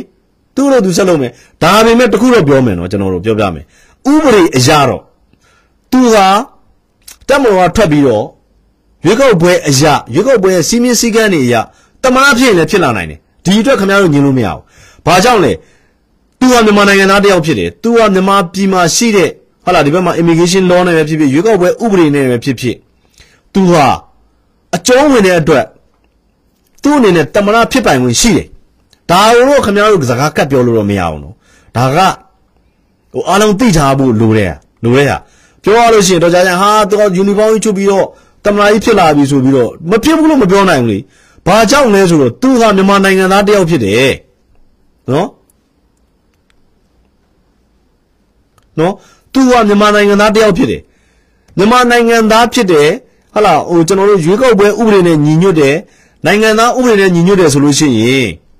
ဟိုပြောရလို့ရှိရင်ဟိုတထေးရဆစင်းရဲသားလေးဖြစ်အထိဥပဒေနဲ့ညီညွတ်ရင်တမနာဖြစ်ခွင့်ရှိတယ်အဲ့ဒါကိုလည်းခင်ဗျားတို့သိထားဖို့လိုတယ်နော်အဲ့ဒါတော့ကျွန်တော်ဟိုဟိုရှင်းအောင်ပြောထားတာမင်္ဂလေးမင်္ဂလေးဟိုဘေးကခနေဦးမြခဏလေးခဏလေးကျွန်တော်ပြောပြဒီဘေးကဒီကိုနေကသူကဟိုနေမဖြစ်သေးဘူးမင်္ဂလေးမင်္ဂလေးကျွန်တော်ချိတ်ပြင်မင်္ဂလေးကျွန်တော်ချိတ်ပြင်မယ်မင်း ငလေးမင်းငလေးမင်းငလေးကျွန်တော်ချိတ်ထားတယ်နော်အဲအဲ့ဒါကိုတော့ခင်ဗျားတို့ကျွန်တော်ဒါကျွန်တော်ကြိုပြောထားတယ်နော်ကြိုပြောထားတယ်ဘာကြောင့်လဲဆိုတော့အဓိကကဟိုနိုင်ငံတိုင်းမှာကျွန်တော်တို့တိုင်းပြည်မှာဟာလာထားပါတော့ဟိုတက်မလို့ကနေ retire လုပ်သွားတဲ့လူတွေနိုင်ငံရေးဝင်လုပ်ခွင့်မရှိဘူးလို့တက်မလို့ကနေ retire လုပ်သွားတဲ့လူတွေတမနာလုပ်ခွင့်မရှိဘူးလို့ဘယ်ဥပဒေမှမှမရှိဘူးနော်အဲ့ဒါကိုလည်းခင်ဗျားတို့ဟိုနားလည်ဖို့လိုသေးတယ်နော်ကျွန်တော်တို့မြန်မာနိုင်ငံရေးမှာတက်မလို့ပါဝင်တဲ့ဟာရှင်းရှင်းလေးရှင်းရှင်းလေးခင်ဗျာ အဲ့ဒီထဲမှာပြဋ္ဌာန်းထားတဲ့အတိုင်းပဲအကုန်လုပ်ခဲ့တာကြီးပဲနော်ဟုတ်လားဘုရားမူကြီးတန်းရွှေလက်ထက်ကလည်း तू ဒီတိုင်းလုပ်သွားတယ် तू အတိုင်း तू ပြောတဲ့အတိုင်းဒီလိုပဲလုပ်သွားတာပဲရှုပ်နေတာကဘာတွေလဲဆိုတော့အဲ့ဒီပြည်ပသတင်းဌာနတွေပြည်ပသတင်းဌာနတွေရဲ့သတင်းသုံးသက်ချက်လိုလိုဝေဖန်ချက်လိုလိုအဲ့ဒါတွေကိုနားထောင်ပြီးတော့မြန်မာပြည်ကရှုပ်နေတာပြဿနာ နောက်တစ်ခုကမြန်မာပြည်မှာရှိတဲ့အရေးခင်းအားလုံးထားပါတော့ဟလားကျွန်တော်88တုန်းကမင်းကိုယ်နိုင်ဥဆောင်တယ်တို့2000ခွန်မှာဥကံမီကဥဆောင်တ ယ်တို့ဟလားဒီခုနှစ်မှာဘလူးဥဆောင်တယ်အမှန်မှဘယ်ကောင်းမှဥဆောင်တာမဟုတ်ဘူးအဲ့မြန်မာပြည်ကိုအရှုံးရှက်ဖြစ်သွားတဲ့ဟာအားလုံးဥဆောင်တာဘလူးပဲသွားကြည့်လိုက်အဲ့တည်င်းဌာနတွေကြီးပဲဥဆောင်သွားတာနော်88မှာဖြစ်သွားတာ BBC ဥဆောင်သွားတာနော် BBC ကနှစ်ကြောင်းတွေပေးလိုက်သူကိုယ်တိုင်ခေါင်းဆောင်လုပ်လိုက်နှစ်ကြောင်းတွေပေးလိုက်ဟိုဘယ်တော့မှဘယ်မှမထွက်တဲ့ကြေညာချက်ကို BBC မှာကောက်ပြောလိုက်ဟုတ်လားဟိုမှာတခါလေဟိုဟိုဘယ်လိုခေါ်မလဲ အဲ့တုန်းက88တုန်းကဆိုရင်တက်မလို့လေရပဲဟိုတက်တက်မလို့ရေရပဲတနက်နဲ့ပြစ်တော့မလို့လို့အာဘာလို့လို့နဲ့နော်တကယ်တကယ်ကြတော့အဲ့ကြေညာချက်ကြီးကိုထုတ်တာလဲ BBC ကထုတ်တာပဲဟုတ်လားဆိုအဲ့ဓာတွေကပြောရလို့ရှိရင်မြန်မာနိုင်ငံရေးကိုရှုပ်ရှက်ခတ်အောင်လုပ်နေတာတွေကတည်င်းဌာနတွေပဲအဲ့လိုတည်င်းဌာနတွေကရှုပ်ရှက်ခတ်အောင်များများလုပ်လေကျွန်တော်တို့လို freelance journalist တွေကအရေးပါလိမ့်ပဲဒါရှင်းရှင်းလေးနော်ဒါရှင်းရှင်းလေး သူတို့ရှုပ်တာကိုကျွန်တော်တို့ကပြန်ရှင်းမယ်ဒါရှင်းရှင်းလေးပဲသူတို့ဒီလိုရှုပ်နေရင်ကျွန်တော်တို့ကဒီလိုပြန်ရှင်းပြမယ်အဲ့တော့ပြည်သူလူထုကပြည်သူလူထုမှာရွေးချယ်စရာရှိသွားတယ်ရွေးချယ်စရာရှိတော့88ကာလမှာပြည်သူလူထုမှာရွေးချယ်စရာမရှိဘူးနော် BBC ပြောသမျှနားထောင် RFA ပြောသမျှအဲ့တော့အဲ့တော့ RFA မပေါ်သေး RFA က69လောက်မှပေါ်တာနော် BBC ပြောသမျှနားထောင် VOA ပြောသမျှနားထောင်ရတယ်နောက် AIR ဆိုတာရှိသေးတယ် All India Radio ဆိုတာ နော်ဒီလေဗျာကဲမောင်အောင်မိုးကတင်ထားတယ်တင်ထားတယ်မောင်အောင်မိုးလက်ခံလေတင်ထားတယ်လေဆို AIR ရှိသေးတယ် AIR မှာဘယ်လိုအလုပ်လုပ်လဲ AIR မှာဘယ်လိုအလုပ်လုပ်လဲခင်ဗျားတို့သိလားဒီခေတ်လူငယ်ကျွန်တော်ပြောပြမယ်နော် AIR မှာဥနုသမီဒေါသနန်နုလို့ပါဆိုတော့ All India Radio မှာအဲ့ဒီအချိန်ကအလုပ်လုပ်နေတာနော်အလုပ်လုပ်နေတာအခုစင်ဟောဆိုတဲ့သတင်းဌာနတရုတ်နဲ့မြန်မာနဲ့ပြဿနာဖြစ်တယ် နော်တရုတ်နဲ့မြန်မာနဲ့ပြဿနာဖြစ်တဲ့အချိန်မှာစင်ဟောသတင်းဌာနပေါ်လာတရုတ်မြန်မာရေခင်းဖြစ်တဲ့အချိန်မှာစင်ဟောသတင်းဌာနမှာဘယ်လိုလုပ်လုပ်လဲခင်ဗျားတို့သိလားအခုပြောနေတဲ့ဥကျော်စောဗိုလ်ချုပ်ကျော်စောဆိုတာတောခုဝါတဲ့ကွန်မြူနစ်ကျော်စောရဲ့သမီးဒေါ်လှကျော်စောတို့ကစင်ဟောသတင်းဌာနမှာလုပ်တာအဲ့တော့သတင်းဌာနဆိုတာဘာတွေလဲဆိုတာခင်ဗျားတို့သိအောင်ကျွန်တော်ပြောပြနေတာနော်အခု VOA BBC RFA မှာအလုံးလုံးနေလူတွေဘယ်သူတွေလဲ မြန်မာပြည်ကိုပုံတရအမျိုးမျိုးနဲ့ရှုပ်ရှက်ခတ်အောင်လုပ်ခဲ့တဲ့လူတွေရဲ့သားသမီးတွေကိုအလုတ်ဖန်နေပေးထားတာအဲ့ထက်မပူဘူးကျွန်တော်ပြောချင်တာနော်ဆိုတော့ဒါတွေကိုတော့သိဖို့လိုတယ်နော် RFA RFA မှာဘယ်လိုခန့်တာလဲမြန်မာပြည်မှာဟလာသူတို့ဟလာမြန်မာပြည်မှာရှိတဲ့သူတို့ရဲ့မိဘတွေဘာတွေပေါ့ဗျာထားပါတော့အဲ့ဒါတွေကနိုင်ငံရေးလိုလိုဘာလို့နဲ့ထောင်ချသွားမယ်သူတို့သားသမီးတွေကိုအလုပ်ကံပြန်ပေးထားတာဒါပဲအောင်မို့အခုတင်ထားတယ်ကိုအောင်မို့ကျွန်တော်အခုတင်ထားတယ်ကျွန်တော်တက်မရဘူးကျွန်တော်တင်မင်းဝင်ခါနေ ဒီဘေးရဲ့ပြဿနာကဲကိုအောင်မို့တင်ထားတယ်တင်ထားတယ်တက်မရဘူးဆိုတော့ကိုဘက်ဖြစ်လိမ့်မယ်နော်ဆိုအဲ့တော့အဲ့ဒါကိုကျွန်တော်တို့တိုင်းပြည်ကလူငယ်တွေသိဖို့လိုတယ်အခုကျွန်တော်တို့ပြောပြမယ်တစ်ချိန်လုံးကဆိုမင်္ဂလာပါဗျာတစ်ချိန်လုံးကဆိုလို့ရှိရင်လူတွေပြောတယ်အာဒီကလေးတွေအတုံးချခံရမယ်ဘာညာဆိုကျွန်တော်တို့နားမလဲဘူးကျွန်တော်နားမလဲနောက်ကြတော့တကယ်သိလာတယ်တကယ်သိလာဆိုဘာကြောင့်လဲကိုယ်တိုင်ခံရလို့လေ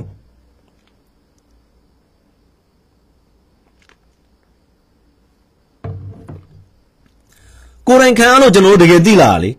ဟုတ်လားဒေါ်စုကြီးကိုနိုင်ကဘာပြောလဲတကယ်ရင်းခဲ့တဲ့ပေးဆက်ခဲ့တဲ့လူငယ်တွေကိုဘာပြောလဲမင်းတို့ကတစ်ခုတ်သမားတွေတဲ့မင်းတို့တစ်ခုတ်သမားတွေတဲ့ငါတို့ကဘဘူးထုမဲ့လူတွေလုံနေပြီဆိုပြီးတော့စကားလေးသုံးကလှရနော်လှရနော်ခမပေးဆက်လိုက်ရတဲ့လူငယ်တကယ်တကယ်ခေါ်သုံးတော့ဘယ်သူတွေကိုခေါ်သုံးလဲ CIA ဆဲစီကိုပဲခေါ်သုံးရတာလေဟမ် နိုင်ငံကြီးကိုအုပ်ချုပ်ဖို့အတွက်တကယ်ပေးဆက်လာတဲ့လူတွေကိုခေါ်မသုံးမဲနဲ့ဘယ်သူတွေကိုခေါ်သုံးရလဲ CIA ဆဲစီကိုပဲခေါ်သုံးရတာလေခင်ဗျာရှင်းရှင်းလေးမြန်မာပြည်ရဲ့နိုင်ငံရေးဇလံကရှင်းရှင်းလေးခင်ဗျားတို့ဒါပေမဲ့တခုရှိတာကျွန်တော်အမြဲပြောတယ်အုံနောက်နဲ့တော့မြင်အောင်ကြည့်ရလိမ့်မယ်နော်အုံနောက်နဲ့တော့မြင်အောင်ကြည့်ရလိမ့်မယ် ကိုမဖတ်တယ်ကိုမဖတ်ပြီးတာကိုမဖတ်တယ်ကိုမဖတ်တယ်ကိုမဖတ်လိုက်ရင်ကျွန်တော်ဒီဘက်ကပြောနေတာတခုပဲပြောတာပါတဲ့ NLD မင်းမဟုတ်ဘူးဆိုလို့ပါတဲ့ကျွန်တော်တို့ကဆိုတော့ကိုမနေဖတ်တယ်ဗျကိုမဖတ်ဒီဘက်ကပြောတာကျွန်တော်လေချောက်ပြပြသွားလို့ခင်ဗျားစဉ်းစားကြည့်အမေရိကန်အမေရိကန်ဆိုတဲ့ကောင်ကဒီဘက်သူ့ရဲ့ဟလာဒီတက်သို့ရိတ်တာလိုင်းတလန်းလုံးကိုသူသိမ်းနေတာလीနော်သိမ်းကျင်တော့ဘာလုပ်လဲအခုကျွန်တော်တို့ဟလာဒီရန်ကုန်မှာရှိတဲ့သူ့ရဲ့အမေရိကန်တန်ရုံးရဲ့ရှေ့မှာဖြစ်နေတဲ့ကော်ဖီဆိုင် ဖူဂျီစင်တယ်နော်ဖူဂျီကော်ဖီဆိုင်တင်တယ်ဖဖူဂျီကော်ဖီဆိုင်ကိုအတင်းရောင်းဟိုင်းတယ်လေမရောင်းလဲမရောင်း CIA ကတပ်ပလိုက်တယ်လေငါးလောင်းမြန်လူတက်မှုဆိုတာအဲ့ဒါလေတက်ပြီးတာနဲ့မသိလို့ရှိရင်ပဲဦးတန်းရွှေရောပါပဲဟာဟိုစိန်နေလိုချင်လို့တက်တယ်လို့လို့ဟိုလူကတက်တယ်လို့ဒီလူကတက်တယ်လို့ ਨੇ တည်င်းတွေမှာဝေဝောင်းအောင်လုပ်လိုက်တယ်လေဒါရှင်းရှင်းလေးအဲ့ဒီ Fuji Coffee House ကို Fuji Coffee House ကအမေရိကန်တန်ရုံးရဲ့မဲတင်လေမဲတင်ဒီ Fuji Coffee House ကြီးတဲ့က နိုင်ငံတော်ပိုင်ထားပါတော့ပုဂ္ဂလိကပိုင်ဖြစ်နေအမေရိကန်တွေဘယ်နောက်ကျောလုံးမလဲခင်ဗျာရှင်းရှင်းလေးတန်ရုံးကြီးရဲ့ရှေ့တက်တဲ့မှာ Fuji Coffee House ကြီးလေအဲ့ Fuji Coffee House ကြီးကိုဝယ်လိုက်မှသူ့အနေနဲ့ဒီတဝင်းလုံးကိုသူပိုင်သွားမှာလေကျွန်တော်အမြဲပြောတယ် Fuji Coffee House ရဲ့အပေါ်ကနေလှမ်းကြည့်ရင်အမေရိကန်တန်ရုံးကိုအကုန်ဆင်းမြင်နေရတယ်အဲ့တော့အမေရိကန်အဲ့ဒါကိုမလိုလားဘူးအဲ့တော့ Fuji Coffee House ကိုတောင်းဝယ်တယ်ဝယ်လို့မရဘူးဝယ်လို့မရဘူးဘလူးကကလန့်လုံးနေလေအဲ့ဒီမှာရှိတယ်ဟလာမိုးကုတ်ဦးမြမောင်လာပါလားသူတထေးတွေကကလန့်လုံးနေအဲ့တော့ သူ့ရဲ့တမတ်ကိုအမေရိကန် CIA ကပိုင်အောင်ပေါင်းပြီးတော့သူ့တမတ်ကနေလူမိုက်ငားပြီးတော့မိုးကုတ်မိုးကုတ်တထေးတွေကိုမိုးကုတ်တထေးနဲ့မိသားစုတွေကိုတပ်ပလိုက်တယ်ဒါတွေကခင်ဗျားတို့ဟိုပြောရရင်အုံနောက်တောင်သုံးစရာမလိုဘူးမြင်အောင်ကြည့်လို့ရခင်ဗျားတို့အခုရန်ကုန်မှာအမေရိကန်တန်ယုံသွားနေအမေရိကန်တန်ယုံရဲ့ဘေးမှာကြည့်လိုက် Fuji Coffee House ဆိုတာအဲ့ဒီမှာငါးလောင်းပြန်လူတက်မှုဖြစ်တာ CIA ကတက်သွားတာဆိုကျွန်တော်တို့ကဒီ ကျွန်တော်တို့မှာကပြောရရင်အဓိကပြဿနာကျွန်တော်တို့နိုင်ငံမှာဆုံးရှုံးနေတာဗဇက်ပေါက်ဆုံးရှုံးနေတာကျွန်တော်တို့ရှိမှာပြောခွင့်မရအောင် Facebook ကြီးပေါ်လာတယ်ကျွန်တော်တို့နိုင်ငံတော်ဘက်ကနေကျွန်တော်တို့ပြောပေးတယ်နိုင်ငံတော်ဘက်ကရက်တီပေးတယ်ဒါပေမဲ့နိုင်ငံတော်ဘက်ကရက်တီတဲ့လူတွေကိုအရင်ဆုံးဗဇက်ပေါက်ပိတ်ဖို့အတွက်ကို Facebook ကိုဒေါ်လာပေါင်းမြောက်များစွာပေးပြီးတော့ကျွန်တော်တို့ကိုဖြုတ်ချခိုင်းတယ်ပန်ဆယ်လိုဘလောက်ဆဲဆဲ Facebook မှာနော်ကြံတဲ့ ဒေါ်စုသားသမီးတွေဘလောက်ဆဲဆဲ Facebook ကအကုန်လွတ်ခွင့်လုပ်ပေးတယ်ဒါပေမဲ့နိုင်ငံတော်တိုင်းကျိုးပြည်ကျိုးပြုမဲ့လူတွေတိုင်းကျိုးပြည်ကျိုးပြုမဲ့လူငယ်တွေနော်ဆဲတာတော့မပါဘူးတချို့ကိစ္စတွေမှာမူပေါင်းတွေကပြန်ရှင်းတာတော့ Facebook ကလက်မခံဘူးအဲ့ Facebook အကောင့်တွေဖြုတ်ချတယ်ကျွန်တော် Facebook ဟုတ်လား10နှစ်လောက်သုံးလာတဲ့ Facebook အကောင့်မြန်မာပြည်ရောက်မှပြုတ်သွားတယ်နော်ဆိုတော့အဲ့တော့ဒါတွေကိုကျွန်တော်တို့ကမြင်အောင်ကြည့်ရမယ် နိုင်ငံတော်အကြီးအကဲတွေပြောနေတာဟာဥပမာထားတော့ဥပမာဗိုလ်ချုပ်ခင်ကျုံလက်ထက်တုန်းကလည်းသူသတင်းစာရှင်းလင်းပွဲမှာသူပြောပြတယ်ကျွန်တော်တို့တိုင်းပြည်မှာ CIA ကဘလို့ရှုပ်နေတယ်နိုင်ငံရေးအခင်းချင်းတွေကဘလို့ဖြစ်နေတယ်သူပြောပြတယ်ကျွန်တော်တို့ကအဲ့တုန်းကဆိုလို့ရှိရင်ကျွန်တော်တို့လည်းဟာဟုတ်ပါမလားဟုတ်တယ်နောက်ပိုင်းကိုတကယ်လေ့လာတဲ့ခါကျတော့ဒါတွေကအမှန်နေလေကျွန်တော်ပြောနေတာနိုင်ငံတော်အကြီးအကဲတွေပြောနေတာတွေကနိုင်ငံတော်အတွက်သူတို့ရှိမှစိုးရင်စိတ်တွေရှိလို့ပြောနေတာသူတို့ကိုကြိုးတဲ့တခုမှမပါဘူးတခုမှမပါဘူး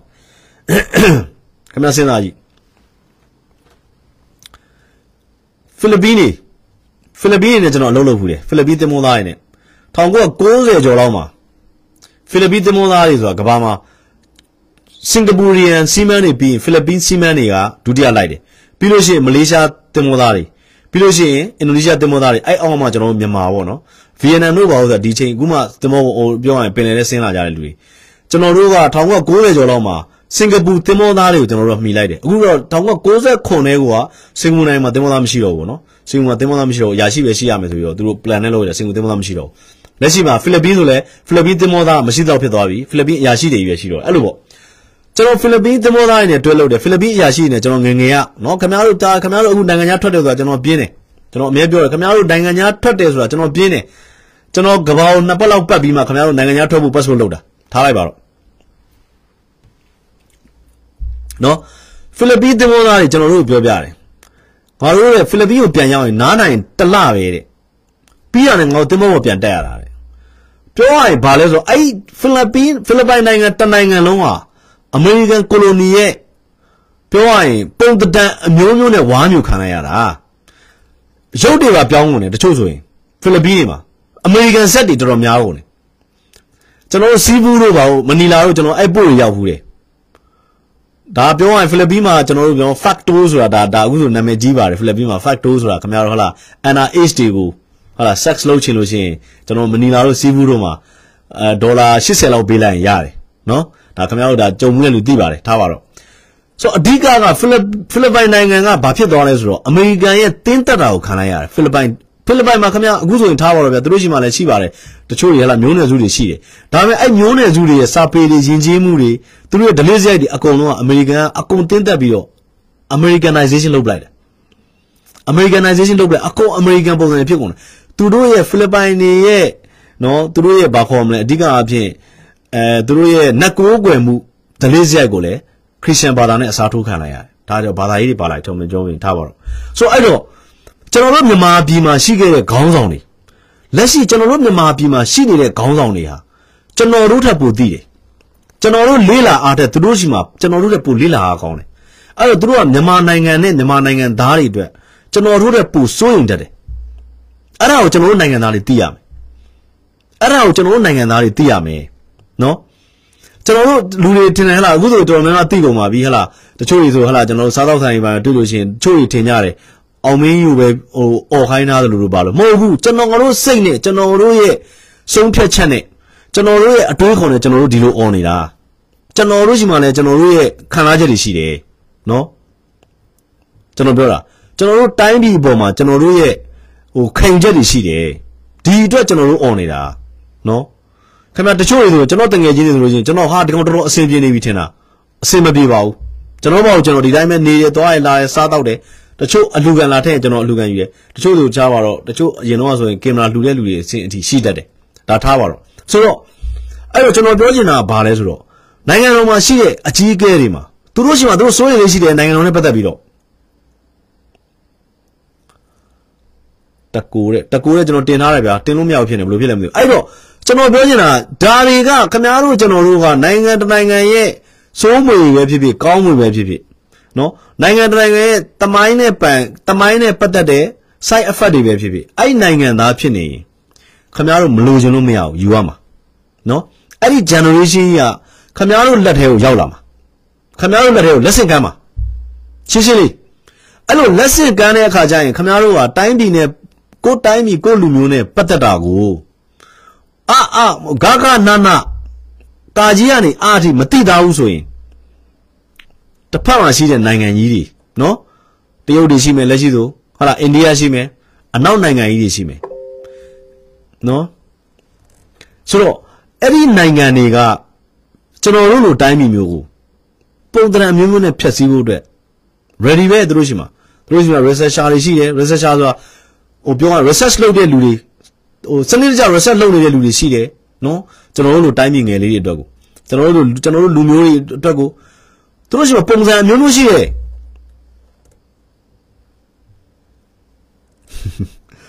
စတီဗင်စတီဗင်တက်မှာစတီဗင်ဆိုအဲ့တော့အဲ့တော့ကျွန်တော်ပြောချင်တာအဓိကကပြဿနာပါလဲဆိုတော့ကျွန်တော်တို့လူငယ်တွေသိဖို့လိုတယ်ကျွန်တော်တို့လူငယ်တွေသိဖို့လိုတယ်နော်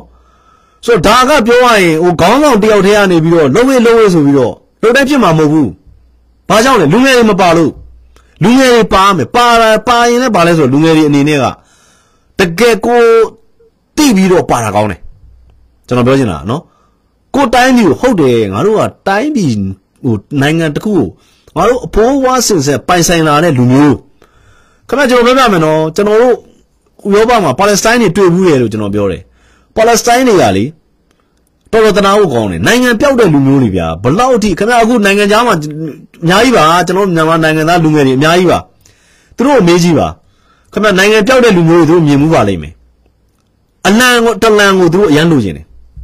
ဘယ်အလံလဲအမျိုးသားရေးသချင်းဆိုချင်တယ်သူတို့ရှိမှအမျိုးသားရေးဆိုချင်းဆိုဖို့မရှိဘူးအလံမရှိဘူးအရင်တော့ဆိုရင်ကျွန်တော်တို့နိုင်ငံသားတင်မောထွက်နေတော့ဆိုရင်ကျွန်တော်တို့အင်္ဂလန်ရောက်တဲ့အချိန်မှာ Iris တွေပေါ့နော် Iris တွေ ငါတို့နိုင်ငံပိုင်ခဲ့တယ်ငါတို့ရှိမှအမျိုးသားသချင်းရှိတယ်ငါတို့ရဲ့ကိုယ်ပိုင်အလံရှိတယ်ဆိုပြီးတော့ဒီလိုပြောတာ Iris တွေအဲ့တုန်းကသူတို့က foreman တွေပေါ့ဗျာကျွန်တော်တို့အဲ့တုန်းကဆိုလို့ရှိရင်အဲအဲ့အင်္ဂလန်မှာပြောင်းနေသွားချတာပေါ့အာဖရိကလာမသိပြောင်းနေတင်ပြီးတော့အင်္ဂလန်မှာသွားချတဲ့အချိန်မှာအင်္ဂလန်အဲ့တုန်းကကျွန်တော်ထင်တယ်ဗျဟိုနင်းတို့အဲကျွန်တော်တို့အခုပြနယူကက်ဆယ်တို့ပါအဲ့ပို့တွေတော်တော်ကောင်းပါလေပို့တွေအဲ့မှာသွားချတဲ့အချိန်ညရင်ဒီ Iris တွေပါလေသူတို့အဲ့မှာပို့မှာ foreman တွေပါလေလောက်တာပေါ့နော် လောက်တာကျွန်တော်တို့ဘောင်းနဲ့စကားပါညာပြောကြည့်လို့ရှိရင်အေးအောင်ငါတို့က British မဟုတ်ဘူး we are not British တဲ့နော်အဲ့လိုမျိုးငါတို့က Ireland ဟောတဲ့ Ireland ဆိုတာ British တက်ပို့ပြီးတော့ငါတို့ကယဉ်ကျေးမှုပိုကြီးတယ်အဲ့လိုပြောတာဆိုတော့ကျွန်တော်ပြောချင်တာဘာလဲဆိုတော့ကျွန်တော်တို့ကတိုင်းပြည်တစ်ပြည်ပိုင်တဲ့လူမျိုးဖြစ်တယ်လူငယ်တွေပြောချင်တာအဲ့ပိုင်သားတဲ့တိုင်းပြည်ကကျွန်တော်တို့လူကြီးတွေပြောတယ်မလားအာကိုယဉ်ကျေးမှုကိုဟလာအချုပ်ချအာဏာဆိုတာ အဲ့ဒါတွေကနားထောင်ယူမဟုတ်ဘူးကျွန်တော်တို့လေ့လာကြည့်လိုက်မှန်တယ်ကျွန်တော်တို့ရဲ့ယဉ်ကျေးမှုကတော်တော်ကြီးတာနော်ခင်ဗျအင်္ဂလိပ်တွေတင်လိုက်တဲ့အချိန်မှာကျွန်တော်ပြောပြမယ်ဗျာသိလားမြမဆိုင်းဝိုင်းကြီးတွေကိုဗာပြောလဲဆိုတော့အဲ့ဒီအချိန်ကဘာလဲဆိုတော့ဗျာအင်္ဂလိပ်သိန်းတဲ့ Mr. White ဆိုတာရှိတယ် General White White ပေါ့နော်အဲ့တုန်းကတော့ဘုံမှုချုပ် White ပေါ့ဒီကောင်ကသူ့ရဲ့မိန်းမကြီးစာရေးတယ်မြန်မာနိုင်ငံဆိုလို့တဲ့အရှေ့တောင်အာရှမှာဒီနိုင်ငံအရှေ့တောင်အာရှမှာအာရှမှာပေါ့နော်ဒီနိုင်ငံယဉ်ကျေးမှုတော့တော်တော်ထွန်းကားပုံရတယ်တဲ့နန်းတော်ကြီးကတော့ဟီးနေတာပဲတဲ့ ငါတို့အွန်နင်းကနေပြီးတော့တဲ့ဗာလဲသူတို့ဒီ AR မြစ်စိတ်ကနေပြီးတော့နန်းတော်ကြီးကိုရှောက်လာတဲ့အချိန်မှာခွေးအောင်တယ်ပဲကြားတယ်ပေါ့လေနော်သူတို့ညဘက်ကြီးသူတို့ခြိတက်လာခြင်းခွေးအောင်တယ်ဒါပေမဲ့နန်းတော်ကြီးကိုမြင်လိုက်ရတဲ့အချိန်မှာတဲ့ငါမနဲ့ကြရင်ဘလို့အဆောက်အဦတွေထပ်မြင်ရမလဲဆိုပြီးတော့ငါအိတ်မပြောဘူးဖြစ်မိတယ်တဲ့အဲ့ဂျန်နာအဲ့အဲ့အဲ့ကာနယ်ဟွိုက်လာမသိသူ့ရဲ့ခင်ဗျာဒီနန်းလေးမျိုးတော့တိန်းတဲ့အချိန်မှာသူ့ရဲ့ daily note ကိုခင်ဗျားတို့ပြန်ဖတ်ကြည့်တော့ငယ်ငယ်တုန်းကဆိုစာရူပိသားတွေတော်တော်များများဖတ်တယ်ဗျနောက်တော့ကျွန်တော်တို့ငယ်ငယ်တုန်းကစာရေးဆရာကြီးတွေကလည်း တော်တော်တော်တဲ့လူတွေကျွန်တော်တို့လူငယ်တွေကိုလက်ဆင့်ကမ်းပေးတဲ့ဟာတွေကပြောရလို့ရှိရင်တကယ်အနှစ်တွေပေါ့ဗျာပြောရရင်တော့နော်ဒီစကားနဲ့ပြောအဲ့လိုအဲ့လိုသူကာနယ်ဟွိုက်ရေးထားတယ်အဲ့လိုမျိုးနော်မနဲ့မိုးလေးတဲ့အခါမှာသူမနဲ့မိုးလေးတဲ့အခါမှာအရင်ဆုံးသွားကြည့်တာအဲ့ပလင်နဲ့နန်းတော်ရုပ်သွားကြည့်တော့စဉ်းစားမှန်စီရွှေချဆိုတဲ့ဟာကဗျာမှန်စီရွှေချဆိုတာပြောရရင် तू ကဘာလဲဆိုတော့ဟို तू ကအဲ့အချိန်မှာ तू ကဘာဩမြမာရီယာတဲ့မြမာရီယာပေါ့လေ ဟိုကြောက်တယ်ဗရမများတွေအများကြီးပိုင်ဆိုင်နေဆိုတာငါတို့ဖတ်ခဲ့ဘူးတာတကယ်တော့မဟုတ်ဘူးတဲ့ तू ကမှန်နေဘူးခြေပြီးတော့ဟာလားဘာလဲသူတို့အဲ့မှာကော်တမျိုးနဲ့ကတ်တယ်ပေါ့နော်ကော်တမျိုးနဲ့ကတ်ပြီးတော့သူတို့ကကြောက်တံပရမများလူလိုလောက်ထားရတယ်ဒါပေမဲ့မြန်မာလူမျိုးတွေကသူတို့ရင်ကျေးမှုနဲ့သူတို့ရဲ့ဟိုအမှုပညာတွေရှိတယ်ဆိုတာကတော့ငါတို့ညင်းလို့မရဘူးဆိုပြီးသူသူ့ရဲ့အဲ့ဟိုနေ့မှာရေးတယ်နောက်တစ်ခုပါရေးလဲဆိုတော့ကျွန်တော်အဲ့မြန်မာဆိုင်ဝိုင်းနဲ့ပတ်သက်ပြီးသူရေးတာကျွန်တော်တက်ကိုမရဘူးပြတက်ကိုမြန်မာဆိုင်ဝိုင်းနဲ့ပတ်သက်ပြီးကြတော့ तू က အဲ့ဒီပေါ့နော်ဟိုသူတို့ရဲ့အဲ့နန်းတော်နဲ့မလန်းမကန်းမှာမြန်မာဆိုင်ဝိုင်းဆိုပြီးတီးနေကြတယ်ပေါ့လေတီးကြသူသွားကြည့်တယ်ပေါ့ကားတဲ့လူကလည်းခုံပေါက်နေရဲ့တဲ့မြန်မာဆိုင်ဝိုင်းကြီးဆိုတာဘယ်လိုလဲပြောရလို့ရှိရင်တဲ့သူတို့ရှိမှရှိတဲ့နော်သူတို့ရဲ့အင်္ဂလိပ်ဘင်မှာနော်အင်္ဂလိပ်ဘင်မှာပါတဲ့သူတို့အဲ့မှာဟိုကြေးခွင်းနှစ်ခုကိုအလွန်မာတဲ့ဟာလာဟိုမြေပြင်ပေါ်အချိန်ချင်းပစ်ချလို့ရှိရင်ပေါ့လေဒါမြန်မာဆိုင်ဝိုင်းအတန်ထွက်မယ်ပေါ့လေသူပြောချင်တာတော့ဗျာတီးချင်တာဒီဆိုချင်တာဆိုနေလို့သူပြောချင်တာ သိရမလားဟိုသူတို့ရဲ့ရကွင်းနှစ်ခုကိုအုတ်ထားပါတော့အုတ်ခင်းမော်တမန်တလင်းခင်းမော်အချိန်ချင်းပစ်ချပေါ့လေအချိန်ချင်းပစ်ချနေပစ်ချနေလို့ရှိရင်ဒါမြန်မာဆိုင်ဝိုင်းကြီးအတန်ထွက်မယ်ပေါ့လေသူကဒါမျိုးပြောတာပေါ့အဲ့တော့ကျွန်တော်တို့လည်းဒါစဉ်းစားကြည့်တော့ဒါပြောရလို့ရှိရင်အဲ့ဒီအချိန်မှာနော်အဲ့ဒီအဲ့ဒီအချိန်မှာကျွန်တော်ပြန်စဉ်းစားကြည့်တော့ နဂနာဝဲတွေပါကြရင်ခင်ဗျားတို့ကျွန်တော်တီးတာတွေ့လိမ့်မယ်နော်ဒါနိုင်ငံတော်ဟိုဟိုနိုင်ငံတော်အစ်စ်ဆိုင်ဝိုင်းကြီးတော့မမြင်နဲ့ပေါ့နော်နဂနာဝဲကြောင့်အာတီးရဘုံတိုင်းဘုံတိုင်းဘုံကွမ်းဘုံကွမ်းမှုတ်တယ်လူမှုတ်ကြီးရပြသူကအဲ့လိုဟာမျိုးကိုသူမြင်တာဖြစ်မယ်သိရမလားအားတဲ့ဒါပေမဲ့ဒီဒီတီးမုတ်တဲ့ဒုတိယပိုင်းမှာတော့မြန်မာတွေတော်တော်အားနေတာတွေ့ရတယ်ဆိုပြီးသူအဲ့လိုရေးတာနောက်တစ်ခုကမြန်မာတွေကဘလို့တေလဲဆိုတာ तू သိချင်လို့နန်းတော်ကြီးရဲ့ရှေ့မှာတိတ်တတိရှိပါလေဆိုရင်မြန်မာတွေကိုဆွဲထုတ်လာတယ်ဆွဲထုတ်ပြီးတော့ तू ကပြောတယ်မင်းကိုတတ်မှာ တနတ်နဲ့ပြစ်တတ်မှာပြီးရင် तू ကဘာလဲဆိုတော့ကင်မရာသမားကို तू ကဓာတ်ပုံရိုက်ခဲ့အဲ့ဓာတ်ပုံတွေခင်ဗျားတို့တွေ့လိမ့်မယ်ဗျအဲအဲ့ဓာတ်ပုံတွေမစ္စတာဟွာရဲ့အဲ့ဓာတ်ပုံတွေတော့ရှိသေးတယ်နော်ရှိသေးတယ်ဘာလဲကားစဉ်တင်လိုက်တယ်ဗျာမြန်မာစစ်သူကြီးပါဆိုတဲ့လူတွေကိုအဲ့တော့ကျွန်တော်တင်မြမြန်မာစစ်သူကြီးဆိုတော့ကျွန်တော်တို့အိုးစားဘတ်တို့ဘာတို့ပြောတာဖြစ်မယ်နော်တကြီးတို့ဘာတို့ပေါ့နော်အဲ့လိုမျိုးတွေပေါ့စစ်သူကြီးပါဆိုတဲ့လူတွေကိုသုံးမှန်ပြီးဖမ်းလာတယ်သူကဂရုံးမတုံးရင်အရင်တော့ဆိုရင်သူတို့ကဘာလုပ်လဲဆိုတော့အင်္ဂလိပ်ကကျွန်တော်တို့မြန်မာတော်လိုင်းသမားတွေကိုဖမ်းလာတယ်ဖမ်းလာပြီးသူကဂရုံးတုံးလိုက်တယ် တပင်းရှည်တွေထားကြတာကိုအဲ့တချို့အဲ့ထဲမှာခေါင်းဆောင်လို့ယူဆရတဲ့လူကိုဆွဲထုတ်လာတယ်ဆွဲထုတ်ပြီးတော့ကားတင်တင်တယ်ကားတင်တင်ပြီးတော့သူကအဲ့ဒါကိုသူကဓာတ်ပုံရိုက်ခိုင်းတယ်မှတ်တမ်းတင်ခိုင်းတယ်သူအဲ့လိုမျိုးအာဖရိကမှာလုပ်ခဲ့တယ်ပေါ့နော်အဲမှန်တယ်ဟုတ်သူအဲ့လိုမျိုးအာဖရိကမှာလုပ်အာဖရိကတွေကြတော့အဲ့လိုကားစဉ်တင်လိုက်တဲ့အချိန်မှာသူကယုံတယ်ပေါ့နော်သူ့မတတ်ဖို့အတွက်ယုံတယ်ပေါ့ဒါပေမဲ့မြန်မာတွေကိုကားစဉ်တင်တဲ့အချိန်မှာမြန်မာတွေက အန်ကျိတ်ထားတယ်ပေါ့နော်အန်ကျိတ်ပြီးတော့ဘာသာမှမထွက်တာကိုတွေ့ရတယ်ပေါ့မြန်မာလူမျိုးတွေရဲ့မျက်နှာဟာဟိုပြောရရင်တေကန်ကြီးလည်းဒီမျက်နှာပဲပျော်နေလည်းဒီမျက်နှာပဲသူကဘာလို့ဆိုတော့တေကန်ကြီးလူတယောက်ရဲ့မျက်နှာကိုသူမြင်မြင်လို့ပေါ့လေမစ္စတာဟွိုက်ကအဲ့လိုမျိုးမြန်မာပြောရရင်တော့မြန်မာပြည်မှာအဲ့အရင်ခေတ်ကမြန်မာရဲမက်တွေမှာရှိတဲ့မြန်မာရဲမက်တွေတွေကခေါင်းဆောင်မှာဆိုတဲ့လူကိုခေါ်တယ်ခေါ်ပြီးတော့မန္တလေးနန်းတော်ကြီးရဲ့အဲ့ဒီအရှိတကားမှာပဲထင်တယ်ကားစဉ်တင်တယ်ကားစဉ်တင်ပြီးတော့တက်နဲ့နဲ့ပြစ်ခိုင်းတာရိုင်ဖယ်နဲ့ပြစ်ခိုင်းတာမင်းကိုတက်မှာတက်မှာဆိုတော့မြန်မာတွေက ဘာပြန်မပြောဘာပြန်ဆိုအဲ့လိုကိုအဲ့တော့ဘာဖြစ်လဲဆိုတော့ကျွန်တော်ပြောချင်တာကလက်ရှိလက်ရှိလည်းပါတယ်အရင်အစဉ်ဆက်ပေါ့နော်နိုင်ငံခေါင်းဆောင်တွေသူတို့ရဲ့နိုင်ငံအပေါ်မှာစိုးရိမ်စိတ်ကခဏတော့ကျွန်တော်နားလည်ရမယ်နားလည်ရမယ်သူတို့ကကျွန်တော်တို့သိတယ်လေကျွန်တော်တို့ဖတ်တယ်ဆိုတာကတည်တည်လေးလေသူတို့ကစာလဲဖတ်တယ်လို့အဲ့စာဖတ်တဲ့နေရာတွေကိုလည်းသူတို့နေရာစုံရောက်ဘူးလေလေနောက်တစ်ခုကပညာရှင်တွေနဲ့လည်းသူတို့စကားပြောဘူးလိမ့်မယ်ဒါရှင်းရှင်းလေးပဲ အဲ့တော့ဒီလိုရိုးရာအမွေနှစ်တွေဒီလိုအတတ်ပညာတွေဒီလိုဒုရိယာပစ္စည်းတွေပိုင်မှုဆိုတာနည်းနည်းနော်နော်အမွေနှစ်မဟုတ်ဘူးဒါတွေကိုထိမ့်သိမ့်ခဲ့ရတာလေ तू အသက်ပေါင်းများစွာရင်းနှီးပြီးထိမ့်သိမ့်ခဲ့ရတာဒါညင်းစရာမလိုဘူးခဏရှင်းရှင်းလေးနော်အဲ့တော့အဲ့ဒါတွေကိုကျွန်တော်တို့ဒီမှာရှိတယ်ဟလာကျွန်တော်တို့လက်ရှိမျိုးဆက်မှာရှိနေတဲ့လူငယ်တွေကဒီအမွေနဲ့တွေကိုကိုကလက်ဆင့်ကမ်းယူသွားရမှာလေလက်ဆင့်ကမ်းယူသွားရမှာ ဆိုတော့ကျွန်တော်ပြောချင်တာအဓိကဘာလဲဆိုတော့လက်ရှိဒီကနေ့မှာလူငယ်တွေကတချို့ဝေါ်ဟာရပိုင်းတွေမှာမာကြီးလည်းမရဘူးတက်ကိုလည်းမရဘူးကဲတက်ကိုကျွန်တော်ပြန်တင်ပေးမယ်တက်ကိုလည်းနာမည်တော့အခြေဟောပါလည်းမသိဘူးမပေါ်ဘူးဆိုတော့ဒါတွေကိုကျွန်တော်တို့ကအုံနည်းဖြစ်ရမှာလေဟုတ်လားအခုကြားပါတော့အခုကလေးတွေဟိုနိုင်ငံရေးအရာစူပူမှုတွေအုံကြောင်းမှုတွေဖြစ်တယ်ဒီကလေးတွေတကယ်သိလားဆိုတော့မေးကြည့်လိုက်မသိဘူးမသိဘူး sorry ဗျာ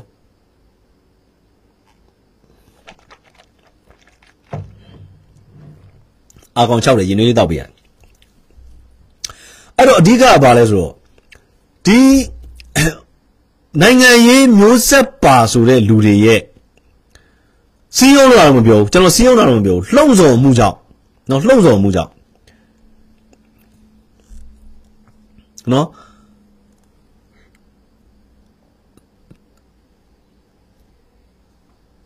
နော်လှုပ်ဆော်မှုကြောင့်ဒီကလေးတွေကဒီပါမုတ်တဲ့ဒီဟိုနေတွေကိုပါကုန်တာကျွန်တော်ပြောတာကဘာလဲဆိုတော့ခမနိုင်ငံရေးရမကျင်နိုင်ခမအနေနဲ့ကနန်းတင်ကြတာတွေကအစားပဲဟုတ်တယ်ဆိုတော့ခမတယောက်တည်းအနေနဲ့ဆန္ဒထုတ်ဖို့ပိုင်ခွင့်ရှိတယ်တင်ပြပိုင်ခွင့်ရှိတယ်စီးယုံပိုင်ခွင့်လည်းရှိတယ်လှုပ်ဆော်လို့မရဘူးလေခမလှုပ်ဆော်လို့မရဘူးမြန်မာပြည်မှာဖြစ်လိုက်တဲ့ပြဿနာအားလုံးကလှုပ်ဆော်မှုကြောင့်ကြီးပဲရှစ်လေးလုံးမှာဟာလားကျွန်တော်ရှစ်လေးလုံးမှာဆန္ဒပြရင်မပြမယ်လေကျွန်တော် ကျွန်တော်မပြဘူးလေထားပါတော့ဥမာဖြင့်မပြတဲ့လူကိုဘာကြောင့်မပြရင်မင်းတတ်ခံရမယ်သူဘာပြောစရာမရှိဘူးလေအခုထားပါ2021မှာ2021ဒီအရေးခင်းမှာကျွန်တော်ဆန္ဒပြချင်မှပြမယ်လေဟုတ်လားကျွန်တော် NLD ပါတီကိုမယုံမယုံဆန္ဒမပြဘူးလေဆန္ဒမပြရင်တတ်မယ်ဆိုတာအဲ့ဒါတွေအဲ့ဒါလှုံ့ဆော်တာခေါ်တာအဲ့ဒါလှုံ့ဆော်တာခေါ်တာကျွန်တော်ပြောတာနော်အဲ့ဒါတွေလေကျွန်တော်ပြောပြတာ ဆိုအဲ့တော့ကျွန်တော်ကအဓိကပြောချင်တာဘာလဲဆိုတော့မြန်မာနိုင်ငံမှာရှိတဲ့မြန်မာနိုင်ငံသားတွေအနေနဲ့ကိုယ့်ရဲ့အယူဝါဒတစ်ခုကိုယ့်ရဲ့ခံစားချက်တစ်ခုကိုယ့်ရဲ့အတိတရားတစ်ခုအတွက်စီးရုံးလို့ရတယ်စီးရုံးလို့ရတယ်မရဘူးကကျန်တဲ့လူတွေတင်လို့မရဘူးဖြစ်နေ sorry ဗျာစီးရုံးလို့ရတယ်ဟိုလှုံ့ဆော်တာတော့မလုပ်ကြပါနဲ့เนาะကျွန်တော်ပြောနေတာလှုံ့ဆော်လို့မရဘူးလှုံ့ဆော်တဲ့နောက်မှာဘာလဲဆိုတော့ ခုနကပြောလို့ဟလာခင်ဗျားတို့ပြောနေလို့ social punishment ဆိုတာတွေပါလာပြီးနောက်ပြီးတော့တယောက်နဲ့တယောက်ချင်းချောင်းမှုတွေပါလာပြီးဆိုတော့ဒါမျိုးတွေပေါ့အဲ့တော့ကျွန်တော်တို့ပြောချင်တာကအဲ့ဒါနိုင်ငံရေးကိုနိုင်ငံရေးပုံစံနဲ့သွားဖို့လိုတယ်အဲ့တော့နိုင်ငံရေးပုံစံနဲ့သွားဖို့အတွက်ကိုအခုဒါပြောရရင်တော့ဒါနိုင်ငံရေးပါတီတွေပြန်ပြီးမှတ်ပုံတင်ရပြီပေါ့ဗျာနော်နိုင်ငံရေးပါတီတွေပြန်မှတ်တယ်ခဏလေးဗျာကျွန်တော်ဒီမှာတယ်လီဖုန်းလေးတစ်လုံးဝင်နေရနော်ခဏလေးဆိုတော့က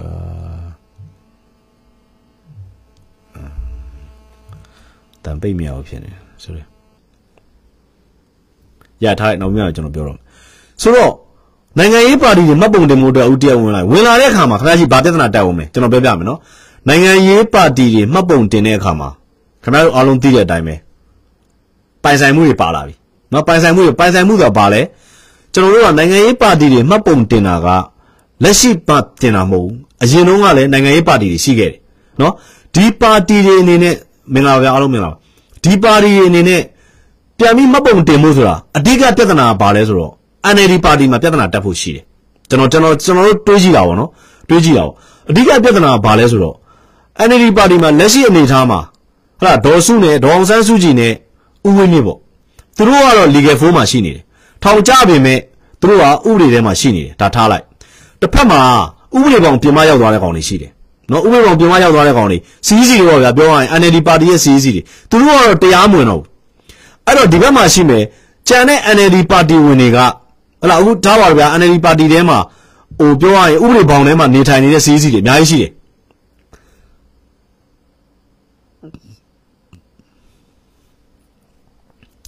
ဆိုတော့ဟိုပြောရလို့ရှိရင်ဥပဒေပေါင်းထဲမှာနေထိုင်နေတဲ့ NLD ပါတီတွေအများကြီးရှိတယ်တော့အခုတချို့တို့ပြောနေတဲ့လူတွေရှိပါတယ်တချို့ ဒီ NLD ပါတီကိုပြန်ပြီးမှတ်ပုံတင်ပြီးတော့ရွေးကောက်ပွဲဝင်ဖို့အတွက်ပြောနေတဲ့လူတွေရှိတယ်ဒါလည်းထားပါတော့ဒါတချို့တွေလည်းကြားနေတာလည်းကြားမှာပေါ့ဆိုတော့အဲ့တော့ဘာဖြစ်လာမလဲဆိုတော့လက်ရှိအနေအထားမှာဟုတ်လားဟိုပြောရလို့ရှိရင်ပါတီတွေအနေနဲ့လက်ရှိအတိုင်းတော့ရှိနေတယ်လက်ရှိအတိုင်းတော့ရှိနေတယ်နော်ရှိပြီးသားဥပမာပြည်ခိုင်မျိုးပါတီဆိုရင်ဒါသူကညီလာခံကျင်းပပြီးသွားပြီသူ့ရဲ့ဟိုဟာအုံးက သူ့ပါတီတွင်းမှာတော့သူကအကုန်တရားဝင်သွားပြီသူ့ရဲ့စီးစီဖွဲ့စည်းမှုကသူ့ရဲ့ဖွဲ့စည်းပုံတရားဝင်သွားပြီဒါပေမဲ့ဒီဘက်မှာ NLD ပါတီအနေနဲ့ကဟုတ်လားသူတို့ရဲ့ဖွဲ့စည်းပုံကအရင်အတိုင်းလားပါလားမသိဘူးဒါပေမဲ့ NLD ပါတီကလက်ရှိအနေအထားမှာသူတို့ရဲ့ CEC တွေကကိုယ်အယူဆနဲ့ကိုတော်ဒီမို့ကိုယ်အယူဆနဲ့ကိုမဟုတ်ဘူးဆိုလို့ရှိရင်ဒါဆိုရင်တောခိုသွားတဲ့လူတွေကပါတီရဲ့မူဝါဒနဲ့တောခိုတာလားကျွန်တော်တို့မေးရတော့မယ်ဟုတ်တယ်နော်ကိုယ်အယူဆနဲ့ကိုဟလာဦးထားပါတော့ဗျာ ဟိုကောင်တွေဒါတောခိုရတဲ့ကောင်တွေရှိတယ်ဗျာထားပါတော့ဟလာ NLD ပါတီ CEC မှာတောခိုရတဲ့ကောင်တွေအများကြီးရှိတယ်ကျွန်တော်နာမည်လွတ်မြောက်ထားရပါတော့ဆိုတော့ဒီကောင်တွေကကိုယ်အယူဆနဲ့ကိုတောခိုသွားတဲ့အတွက်သူတို့ရဲ့ CEC ကနေအလိုလျောက်ထုတ်ပယ်ပြီးသားဖြစ်သွားပြီဒါရှင်းတယ်နောက်တစ်ခုကဒီဘက်မှာ NLD ပါတီရဲ့ CEC တွေဖြစ်တဲ့ဟာလာဒေါ်စုတို့ဝင်းမြင့်တို့သူတို့တွေကထောင်ကျသွားတဲ့အတွက်နိုင်ငံတော်ကိုနိုင်ငံတော်ရဲ့ပြစ်မှုတွေအရာထောင်ကျသွားတဲ့အတွက်သူတို့ကလည်း NLD CEC ကနေ လုံးဝတရားဝင်ထုတ်ပယ်ပြီးသားဖြစ်သွားပြီဒါရှင်းတယ်ဟောဒါရှင်းတယ်အဲ့တော့ကြံခဲ့တဲ့ CEC ဥမာဒေါ်မေဝင်းမြင့်တို့ဘာကိုကြံခဲ့လို့ကြားတယ်ဗောနော်ဆိုတော့ဒီကြံခဲ့တဲ့ CEC တွေအနေနဲ့ဒီပါတီကိုပြန်မှတ်ပုံတင်ဖို့အတွက်ကိုနော်သူတို့လောက်ရတော့မယ်အဲ့တော့ပါတီကိုမှတ်ပုံပြန်မတင်ဘူးဆိုရင်တော့တေချာတယ်ဒီ NLD ပါတီရဲ့ပိုင်ဆိုင်မှုတွေကနိုင်ငံတော်ကသိမ်းမှာ NLD ပါတီအနေနဲ့မှတ်ပုံပြန်မတင်တော့ဘူးဆိုရင်တေချာတယ် NLD ပါတီရဲ့ဟာပိုင်ဆိုင်မှုရုံးအဆောက်အဦဘာညာအားလုံးကိုနိုင်ငံတော်ကသိမ်းမှာ ဒါပေမဲ့ CEC ပြန်ဖွဲ့မယ်သူတို့အနေနဲ့နော် CEC ပြန်ဖွဲ့မယ်ဆိုရင်ဒီ CEC ကထားပါတော့ရွေးကိုလေးကိုဒီကျွန်တော်တို့ဒီရွေးကောက်ပွဲကော်မရှင်မှာပြန်ပြီးတော့မှတ်ပုံတင်မယ်ဆိုရင်ဒီ CEC ကတရားဝင်ဖြစ်သွားမယ်အဲ့ကြလို့ရှိရင်ဒီ CEC ကပြန်ပြီးတော့မှတ်ပုံတင်တဲ့ online က NLD CEC အဖွဲ့ဟာဒီ ဂျုံးဆောက်ဦးတွေကိုပိုင်ဆိုင်သွားမယ်ဒါရှင်းတယ်ဒါပိုင်ဆိုင်မှုကစပြီးပြောရတော့မယ်အဲ့တော့လက်ရှိအနေထားမှာပြန်တင်မဲ့ NLD CEC တွေရှိနေကြကြားတယ်နော်ထောင်ကျသွားတဲ့ CEC တွေကတော့ဒါတေးကြတယ်သူတို့ကတော့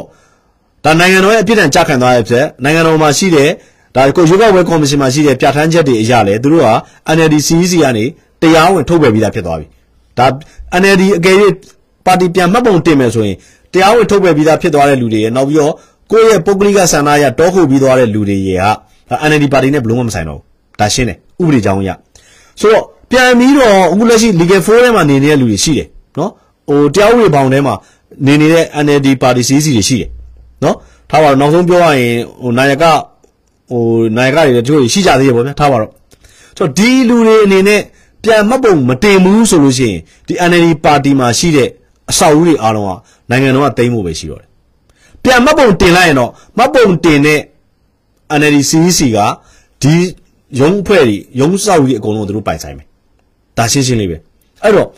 ပါတီအနေနဲ့မှတ်ပုံပြန်တင်ရင်ရုံးောက်ပွဲရတော့ဝင်ရမှာပဲဒါရှင်းတယ်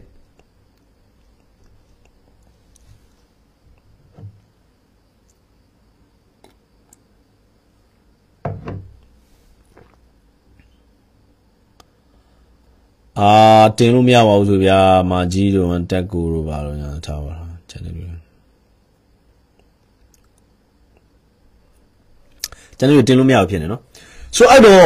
အဓိကကကျွန်တော်တို့ကဟိုကြံတဲ့ပါတီတွေကတော့ရှင်းတယ်လေသူတို့ရှိမှသူတို့ CEC နဲ့ရှိတယ်သူတို့အနေနဲ့နိုင်ငံတော်ရဲ့ဟလာစီမင်းစည်းကမ်းတွေနိုင်ငံတော်ကချမှတ်ထားတဲ့ဥပဒေပေါင်းတွေမှာနေတယ်ဆိုတော့ကြံတဲ့ပါတီတွေကတော့ဟိုပြန်ပြီးတော့တင်ကြလိမ့်မယ်ကျွန်တော်ထင်ဒါပေမဲ့ခုနကကျွန်တော်ပြောသလိုပေါ့လက်ရှိ လုံးလိုက်တဲ့အခင်းချင်းကဦးအားလုံးတောင်းတနေတဲ့ Federal သွားတာ Federal သွားမှာနော် Federal သွားမှာ Federal အခင်းချင်းလို့ဖြစ်သွားတာနော်ပါတီတွေရဲ့တည်ရှိမှုအားလုံးကဟိုနည်းဆိုရင်တသိန်းဆိုရင်ဟောပါတီဝင်တသိန်းဒါနိုင်ငံတနိုင်ငံလုံးကိုခြုံပြီးတော့အဲပြောရရင်တော့ပြောရရင်ဗဟိုဆိုရအနေနဲ့ဝင်ပြိုင်မဲ့ပါတီတွေကတော့လူတသိန်းပြရမယ်ခုနပြောသလိုဟိုကြက်သိန်းတစ်ထောင်တင်ရမယ်ကြက်သိန်းတစ်ထောင်တော့သူတို့အတွက်မခဲရင်တော့ဘူး ဒါပါတီရဲ့ဆိုရင်ဒါပေမဲ့လူတသိန်းပေါ့နော်ပါတီဝင်အင်အားတသိန်းကတချို့ပါတီငယ်လေးအနေနဲ့မဖြစ်နိုင်ဘူးဒါပြည်ခိုင်ပြိုးတို့ဟလာခုနပြောတဲ့ဟလာ NLD တို့ဘာကတော့ပြောမရဘူးဒါဖြစ်နိုင်တယ်ပြောမရဘူးပေါ့နော်ဆိုတော့အဲ့တော့အကေ NLD ပြန်တင်ခဲ့ရင်ပေါ့နော်ဒါပြောမရဘူးဆိုတော့အဲ့တော့ဘာဖြစ်လဲဆိုတော့အဲ့ဒီမှာဘာဖြစ်လာမလဲဆိုတော့တချို့ပါတီငယ်လေးတွေကသူတို့ရဲ့ဒေသဆိုင်ရာပါတီလေးတွေဖြစ်သွားမယ်ဗျာနော်ဥပမာဖြင့်ထားဗျာနောက်ပြီးတော့ပုံမှာ ကျွန်တော်261လာမသိရှိရနော်ပုံမှန်261ကကျွန်တော်ဘဟုကနေတိုက်ရိုက်ခန့်အပ်ရတဲ့ဝန်ကြီးချုပ်ကိုပြည်내တိုင်းအစိုးရဝန်ကြီးချုပ်တွေကိုဘဟုကနေတိုက်ရိုက်ခန့်အပ်ရတယ်ဆိုတဲ့ဟာကကျွန်တော်ထင်တယ်နောက်လာမဲ့အခင်းချင်းမှာအဲ့ဒီဖွဲ့စည်းပုံတွေမှာပါတဲ့အဲ့ဒီချက်ကပြင်ဆင်ပြီးလောက်မယ်ထင်တယ်ဒါ NLD အစိုးရလက်ထက်ကအဲ့ဒီချက်ကိုမပြင်ဆင်ပေးခဲ့ဘူးလေဆိုတော့ကြံတဲ့အစိုးရတွေမှာပြင်ဆင်ပေးခဲ့လိမ့်မယ်လာမဲ့နောက်လာမဲ့တက်မဲ့အစိုးရမှာဒီလိုဒါပြင်ဆင်ပြီးသားဖြစ်လိမ့်မယ်ထင်တယ်အဲ့တော့ဘာဖြစ်သွားမလဲဆိုတော့ ဒီ261ကိုပုံမှန်261ကိုပြန်ပြင်ဆင်လိုက်လို့ရှိရင်ပြည်내တိုင်းမှာရှိတဲ့ပါတီလေးတွေပေါ့နော်ဒီပါတီလေးတွေက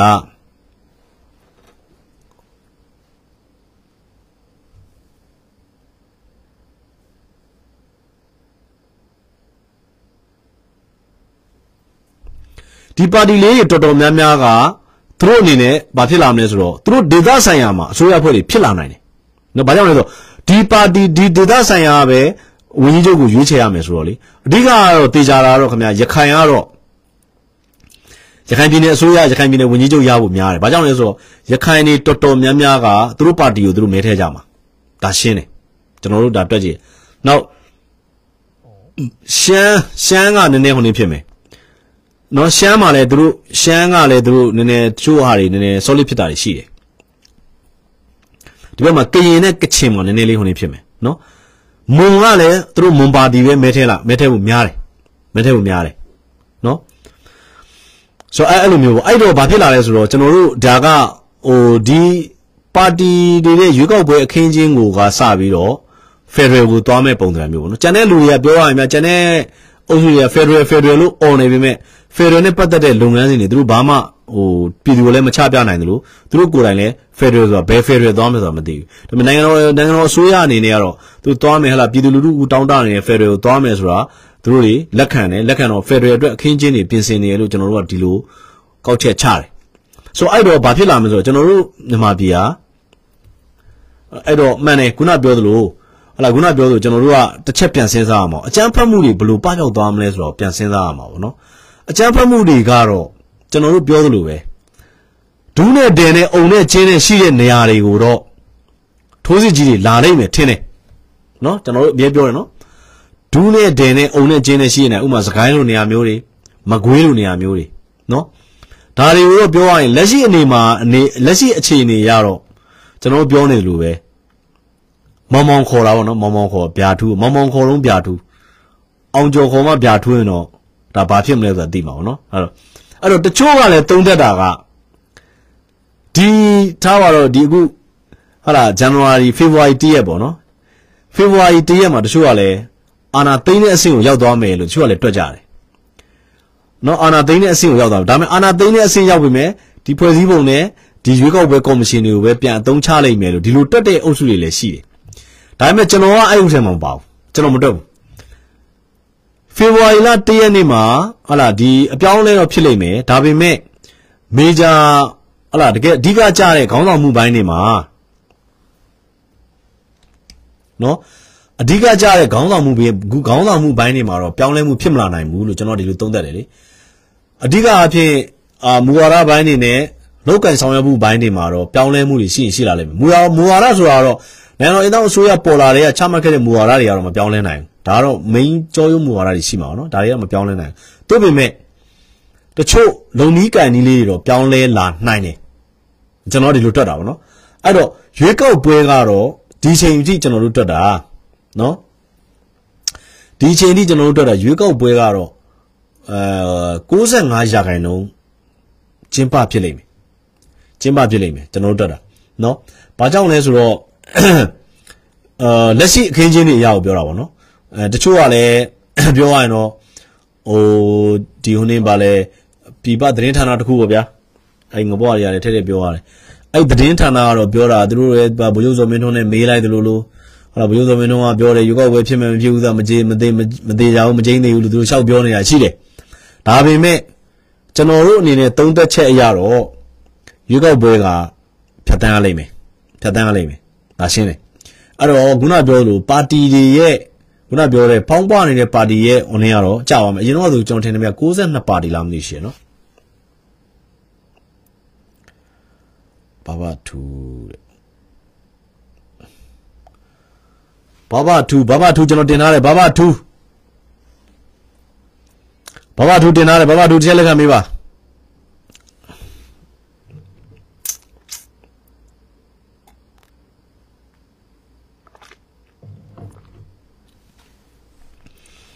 နိုင်ငံဖွဲ့စည်းပုံဖက်ဒရယ်နဲ့ရွေးကောက်ပုံစနစ် PR မှာပေါ့နော် PR ပေါ့နော်ရွေးကောက်ပုံစနစ်ကကျွန်တော်တို့ဟို PR ပုံစံသွားမှာဆိုတော့ PR မှာအဲ့အတွက်ကိုကျွန်တော်တို့သူကဒီအပြောင်းလဲလေးဒီရွေးကောက်ပါတီတွေကြားမှာအပြောင်းလဲလေးလှုပ်လိုက်တဲ့သဘောပဲဗျာနော်ဒါဒါမျိုးလေးလှုပ်တာပေါ့ဒီလက်ရှိနော်ဘဘထူးတဲ့ဘဘထူးတင်ထားတယ်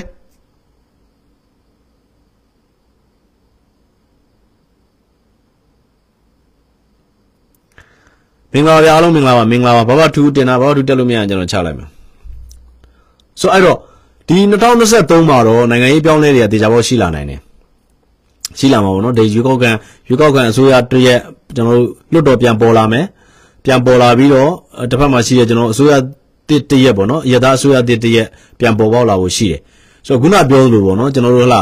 ကျွန်တော်တို့ဟိုပြောရရင်ဒီဒီအတိုက်ခံမှာဆိုတော့ ဒေါ်လို့စီ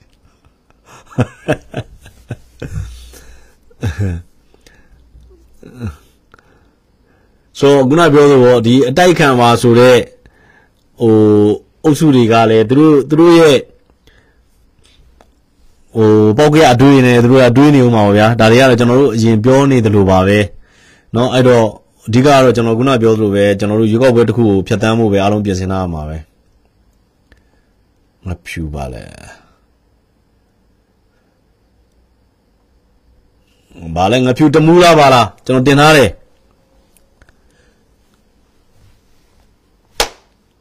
အာချင်းချင်းချင်းကြိုက်တယ်ချင်းရဲများတယ်ဒါပေမဲ့နေစီပါတီပြတ်တယ်ဆိုပေမဲ့အခုပြန်ပြီးတော့ရွေးကောက်တင်မြှောက်ခွင့်ရှိသွားမယ်လေဟိုပြန်ပြီးတော့ပါတီဖွဲ့စည်းပုံပါတီဖွဲ့စည်းခွင့်ရှိသွားမယ်လေနေစီပါတီက နေစီနေစီပါတီကဒါအခုပြန်ပြီးတော့သူပြန်ဟိုအရင်တော့ပြတ်ပြင်မဲ့ရင်တော့ပြတ်သွားပြင်မဲ့လက်ရှိအနေအထားမှာနေစီပါတီအနေနဲ့ပြန်ပြီးမှတ်ပုံတင်ခွင့်ရှိသွားပြီလေလက်ရှိဒီဟိုနေနဲ့ဥပဒေသစ်အရာကိုအရင်တော့ကြက်ပြက်ပြက်ဘယ်စင်ကပြက်ပြက်ပေါ့နော်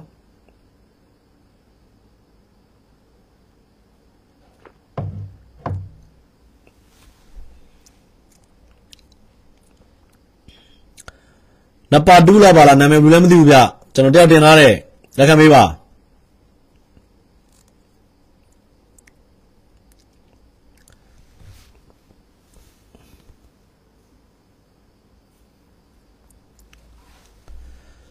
ဆိုတော့ကျွန်တော်ထင်တာကတော့ဗျာရွေးကောက်ပွဲခင်းချင်းမှာခင်းချင်းပြီးနောက်ပိုင်းတော့ကျွန်တော်မြန်မာနိုင်ငံကြီးကတော့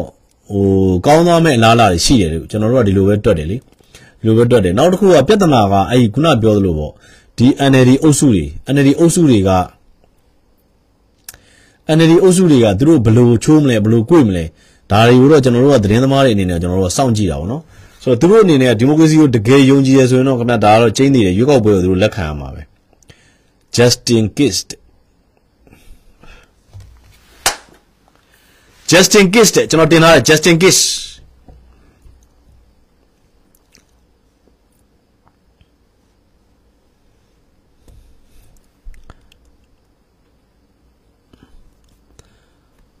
Justin Kiss ကျွန်တော်တင်ထားတယ် Justin Kiss ဒီဆွဲတင်တရားမှတက်လို့မရအောင် Justin Kiss တဲ့ကျွန်တော်တင်ထားတယ်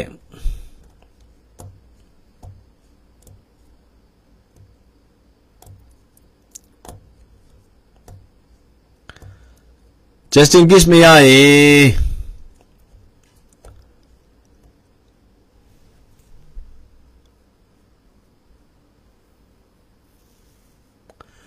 59စာလုံး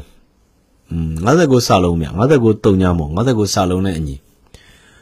အမတ်တွေရဲ့အရေးရှင်းသတ်မှတ်ချက်တွေလည်းပေါ်လာမှာဗျနော်ကျွန်တော်ကွန်မန်လေးတွေဖတ်ပါမယ်လို့ပါကွန်မန်လေးတွေနဲ့ဆွေးနွေးပြတက်ပြီးဆွေးနွေးလို့မရရင်လည်းအမတ်တွေရဲ့အရေးချင်းသတ်မှတ်ချက်တွေကတော့အရင်တည်းကရှိရဗျအမတ်တွေရဲ့အရေးချင်းသတ်မှတ်ချက်ကလေအရင်တည်းကရှိတယ် Justin Kiss Justin Kiss မရရင်ကျွန်တော်နောက်တစ်ယောက်တင်မယ် Justin Kiss မရဘူး sorry sorry sorry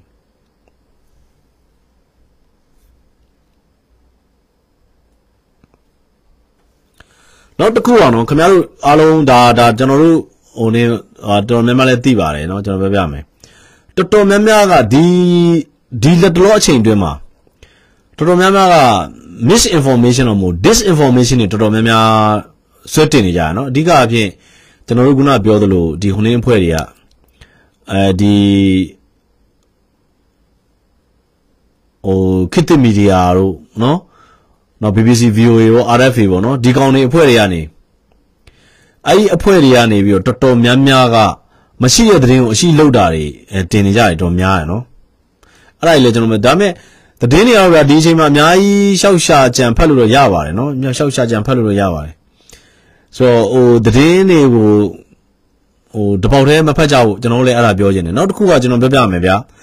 ဒါအားလုံးလည်းသိပြီးပါပြီကျော်မိုးထွန်းက သူကိုယ်တိုင်ကျော်မိုးထွန်းကမဟုတ်တော့ဘူးလေဘာမှလည်းမဟုတ်တော့ဘူးလေ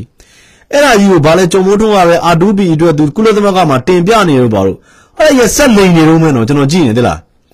ကျော်မိုးထွန်းကမရှိတော့ဘူးလေသူတို့ကိုယ်တိုင်ပြောရရင်အရင်တော့သတင်းတွေပြန်ဖတ်ကြည့်လေအဲ့ဒါကျော်မိုးထွန်းနဲ့အာဒီဘက်ကဟိုနိုင်ငံတော်အစိုးရအစိုးရကိုယ်တိုင်နဲ့အပြန်ရွေးရမယ်လို့ပြီးလဲပြီးရော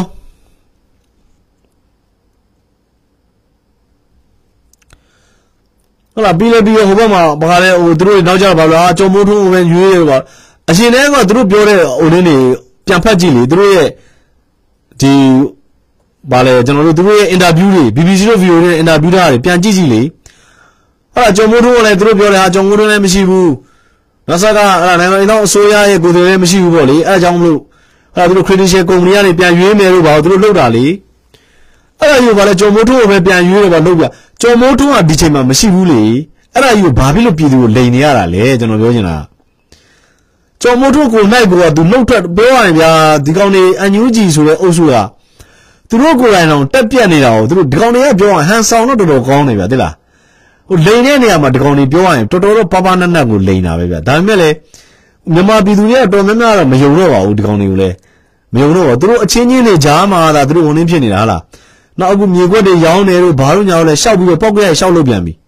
ဟုတ်လားမြေခွက်ရောင်းတာသူတို့ပြောတယ်ဟာတငြိနဲ့ဘယ်နဲ့တန်းဖို့ရောင်းရတယ်ဘာညာလို့ပောက်ကရရှောက်ပြောနေပြီးလို့ရှိရင်ဟိုမှာဒေါ်လာ1000လောက်နဲ့မှာပြဿနာကြီးကောက်တက်နေတယ်စဉ်းစားကြည့်မှာဒေါ်အိုင်းကိုစင်ကာပူဒေါ်အိုင်းအလူခန္ဓာတွေများများရတော့ဝိုင်းကြိတ်ကြတာလေဒီနေ့ဆိုလည်းကျွန်တော်ကြည့်လိုက်ရပါတယ်မျိုးရံအောင်သိန်း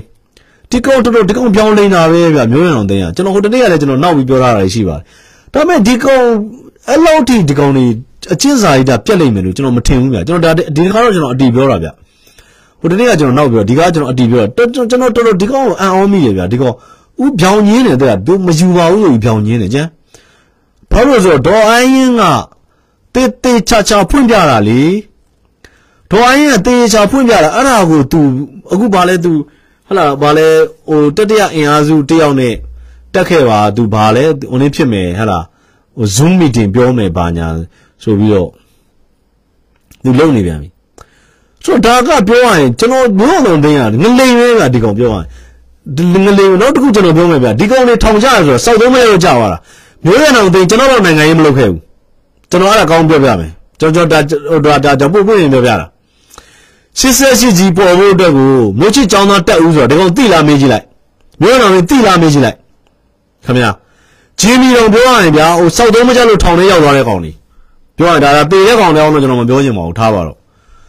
ဆိုတော့ဒီကောင်ကပြောရရင်စောက်သုံးမကြဘဲနဲ့ပြောရရင်ကြော့ပါသေးဘူးသီလီတို့မှုနဲ့ထောင်ကြတာကိုဒီကောင်ကသူ့ကိုယ်သူနိုင်ငံရေးမှုနဲ့ပဲထောင်ကြတယ်လို့လို့ပါလို့ရှောက်ပြောနေမျိုးရင်တော်သိရင်ကျွန်တော်ပြောပြမယ်ဒီကောင်တွေ88အကြောင်းဘယ်နေရာမှာပါခဲ့တယ်ခင်ဗျာမေးကြည့်ပါဦး88မှာဘယ်နေရာမှာပါ88ကြီးဖြစ်လာပြီးတော့88လာမှာလားတတိုင်းပြည်လုံးလမ်းပေါ်ထွက်လာတော့မှကောက်ကောက်ထွက်တဲ့ကောင်တွေဒီကောင်တွေက မျိုးတော်တွေက88လည်းမဟုတ်ပါဘူးဒီကောင်96လားမသိဘူးဒီကောင်ရဟိုနေကဒီကောင်ပြောက်ပြောက်မယ်ကျွန်တော်အသက်20လောက်ထဲကထောင်ကြတာလို့ပါတော့အသက်အသက်20လောက်ကထောင်ကြတာစောက်သုံးမရလို့ကြတာလीကျွန်တော်တို့ဒီကောင်ချက်လုပ်ခဲ့တာပေါ့စောက်ယူးမှာမလို့ကျွန်တော်ပြောပြတာအခုမှဒီကောင်တို့ဒီကောင်ကပြောရလို့ရှိရင်လူလိမ်ပဲဗျမျိုးရအောင်သိရဒါကျွန်တော်အတီးပြောတာဟိုတနေ့ကကျွန်တော်နောက်ဆိုပြောင်းဆိုရှောက်ပြောနေလူလိမ်ပဲဗျဒီကောင်ပြောင်းလိမ်တာပဲဗျဒီကောင်နေဟမ်ပြောင်းလိမ်တာပဲကျွန်တော်ပြောတာ ဆိုတော့ဒါတွေကပြောရရင်ဒီကောင်တွေရဲ့တကက်ဇာရိတအမှန်တွေပဲဗျဇာရိတအမှန်တွေပဲဒီကောင်တွေဒီကောင်တို့ဟလာကျွန်တော်ပြောပြမယ်အဲ့ပန်ဆယ်လိုတို့ကသူတို့ဘဝကနေသူတို့ယုံထွက်မှာပဲခင်ဗျာ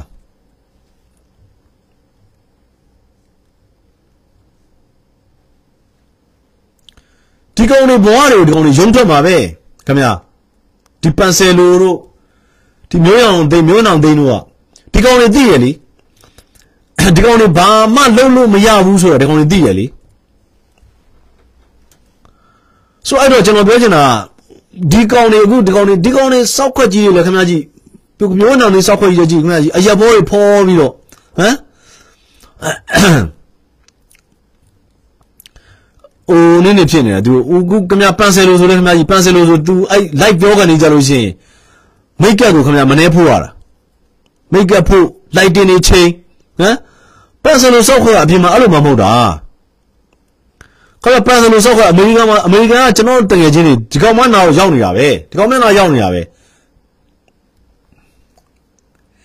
Justin Kiss ကမရဘူးဖြစ်နေတယ် Justin Kiss ကညီကြောလားညီမကြောလား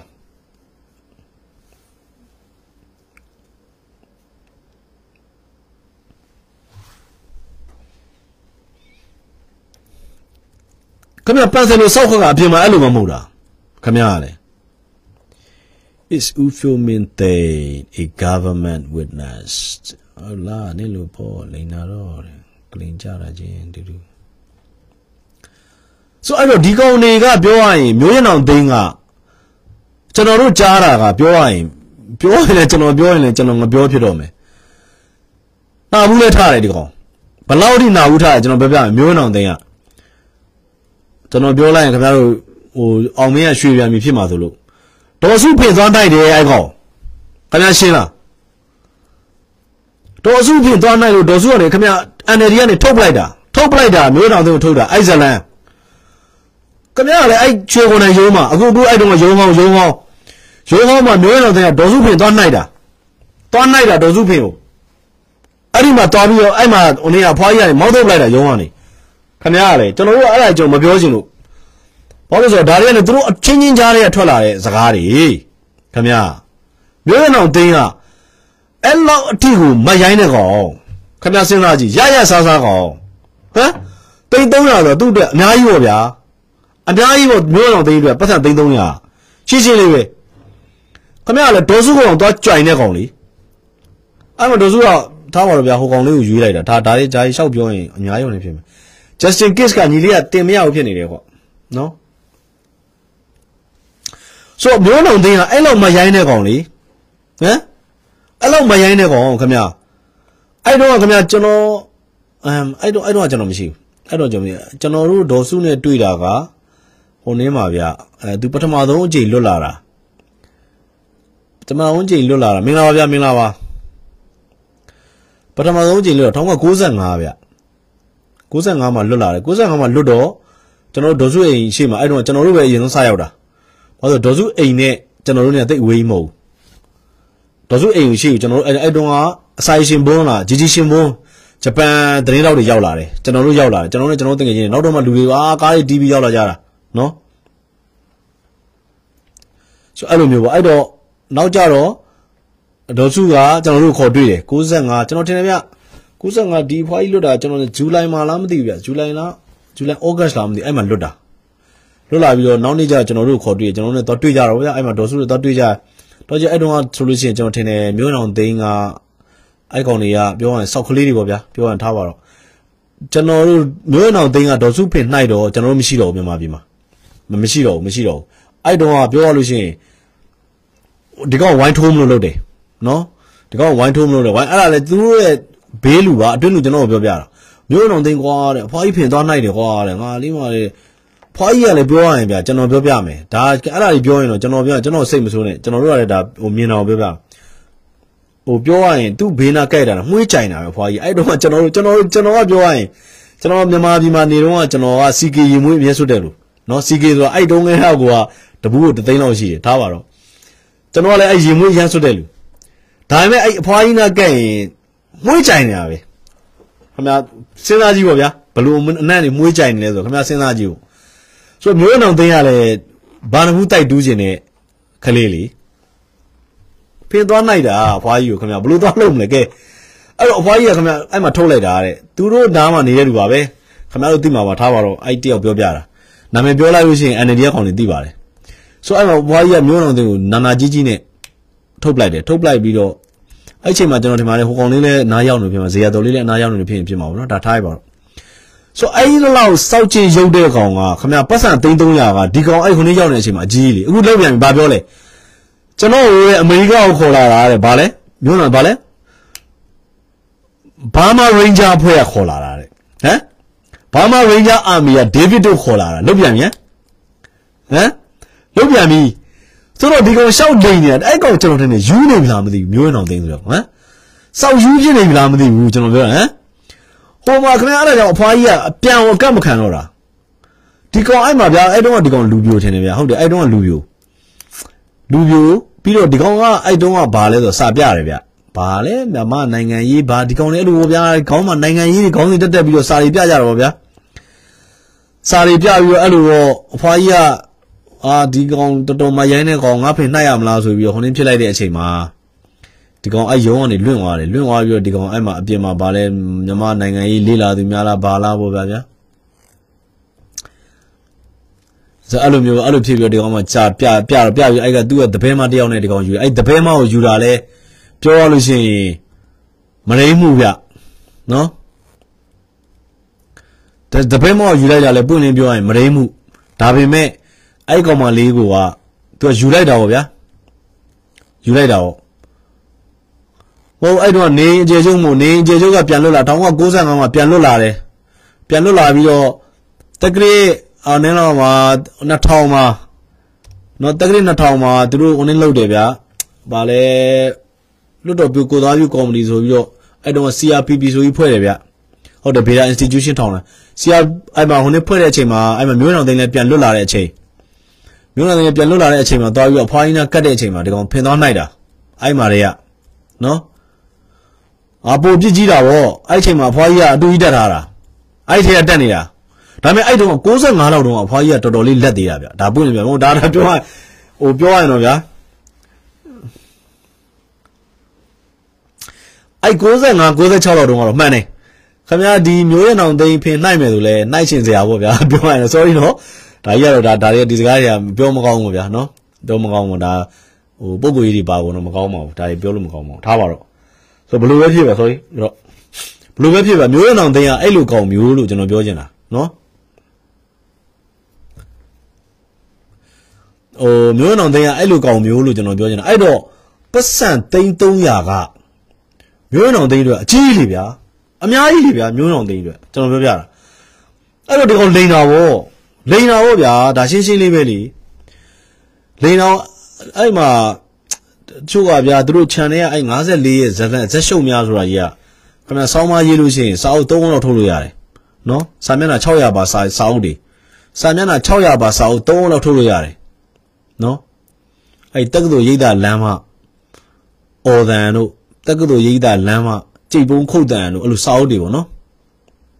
အဲ့လိုစာအုပ်တွေအများကြီးထုတ်လို့ရတယ် ဆိုခုနကကျွန်တော်ပြောသလိုပါနော်ကျွန်တော်ပြောချင်တာဒီနေ့ကရမ်းရှိသွားပြီဗျခုနလိုင်းကကြလိုက်တက်လိုက်ကြလိုက်တဲ့ဦးကြောက်လိုက်ရမ်းကောင်းနေတယ်ဗျာရမ်းကောင်းတော့လေကျွန်တော်တက်ဆွေးနေဖို့ဆွဲတင်တာတရားမှမတက်လာဘူးတက်မလာလည်းထားလိုက်တော့နော်ကျွန်တော်အဓိကပြောချင်တာခုနပြောလို့ပေါ့ရွေးကောက်ပွဲကော်မရှင်ဖွဲ့တယ်ရွေးကောက်ပွဲကော်မရှင်ဖွဲ့တဲ့အတွက်ပါတီတွေပြန်ပြီးတော့နော်ရွေးကောက်ပွဲကော်မရှင်ဖွဲ့တဲ့အတွက်ပါတီတွေပြန်မှတ်ပုံတင်ရမယ်ဒီပါတီမှတ်ပုံတင်တဲ့ပုံတံကလက်ရှိလုပ်လိုက်တဲ့ပုံတံကခုနကျွန်တော်ပြောသလို အဲဖက်ဒရယ်စနစ်ကိုသွားမယ် PR ရွေးကောက်ပွဲပုံစံအောင်သွားတဲ့ပုံစံပေါ့နော်အဲ့တော့ပြည်သူလူထုအနေနဲ့ကလည်းဒီကိစ္စရှင်းလင်းသိတဲ့နေရှင်းလင်းသိဖို့အတွက်လည်းကျွန်တော်ပြောရရင်တော့ကျွန်တော်တို့မှာတာဝန်ရှိတယ်ကျွန်တော်သတင်းစာတိုင်းမှာတာဝန်ရှိတယ်ပြဿနာကလည်းဘာလဲဆိုတော့ဒေးဗစ်လာမီကစောက်ခွက်ထိုးတာလေဒေးဗစ်လာမီကအဲ့ကောင်ကျွန်တော်ပြောပြမယ်အဲ့ဒီမျိုးရံအောင်သိန်းကိုဒေးဗစ်လာမီကမင်းကိုဘယ်နှချက်ထိုးလဲလို့မေးကြည့်လိုက်မေးကြည့်လိုက်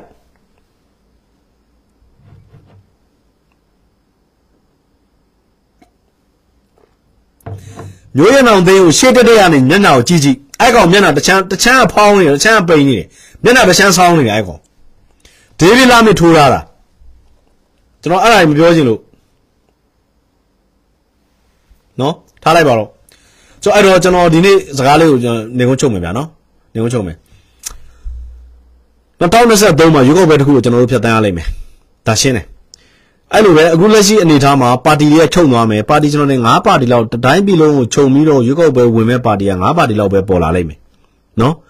၅ပါတီလောက်ပေါ်လာအဲ့တော့တစ်ဖက်မှာရှိတဲ့အကြမ်းဖက်မှုတွေကိုဘယ်လိုနှိမ်နင်းမလဲဆိုတဲ့အပိုင်းကိုကျွန်တော်တို့ထပ်စဉ်းစားရလိမ့်မယ်ကျွန်တော်ထင်တာတော့ဒီအခုလက်ရှိ February တရက်ပေါ့နော် February တရက်ဟိုဘက်မှာဘုံနီးကန်ဒီဘက်မှာအပြောင်းလဲလေးဖြစ်လာနိုင်တယ်ဖြစ်လာလို့ရှိရင်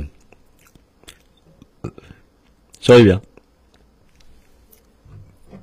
အောင်6တယ်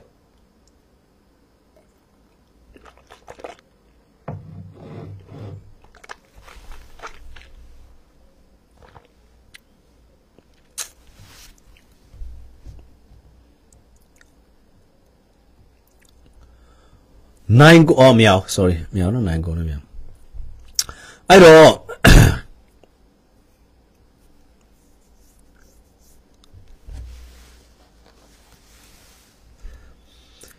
ဒီကောင်တွေလည်းငါ88မှာဘယ်တော့မှပါလာလဲဆိုခန့်နေမင်းတို့88မှာအောင်မင်းဘယ်တော့မှပါလာလဲဆိုတာပြမပြမခဏလေးခဏလေး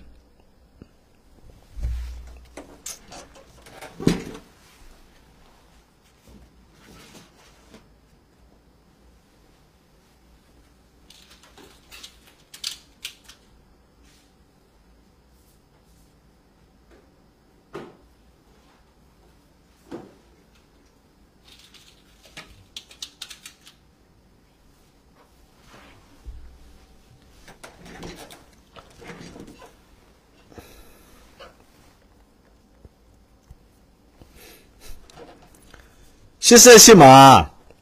88မှာအောင်မင်းဘယ်တော့မှပါလဲလို့မေးနေတဲ့လူတွေဒီစာအုပ်နော်ဒါခင်ဗျားတို့ရဲ့ဆရာကြီးရဲ့တူပေါ့ဗျာနော်မောင်မောင်ကျော်ဆိုတာနော်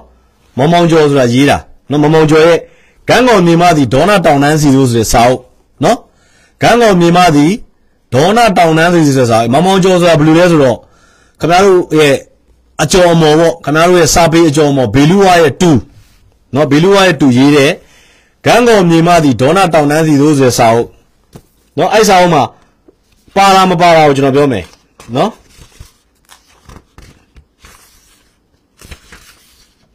နော်ပြမယ်ပြမယ်မအောင်မင်းဘယ်တော့မှပါလဲမင်းနေကြလို့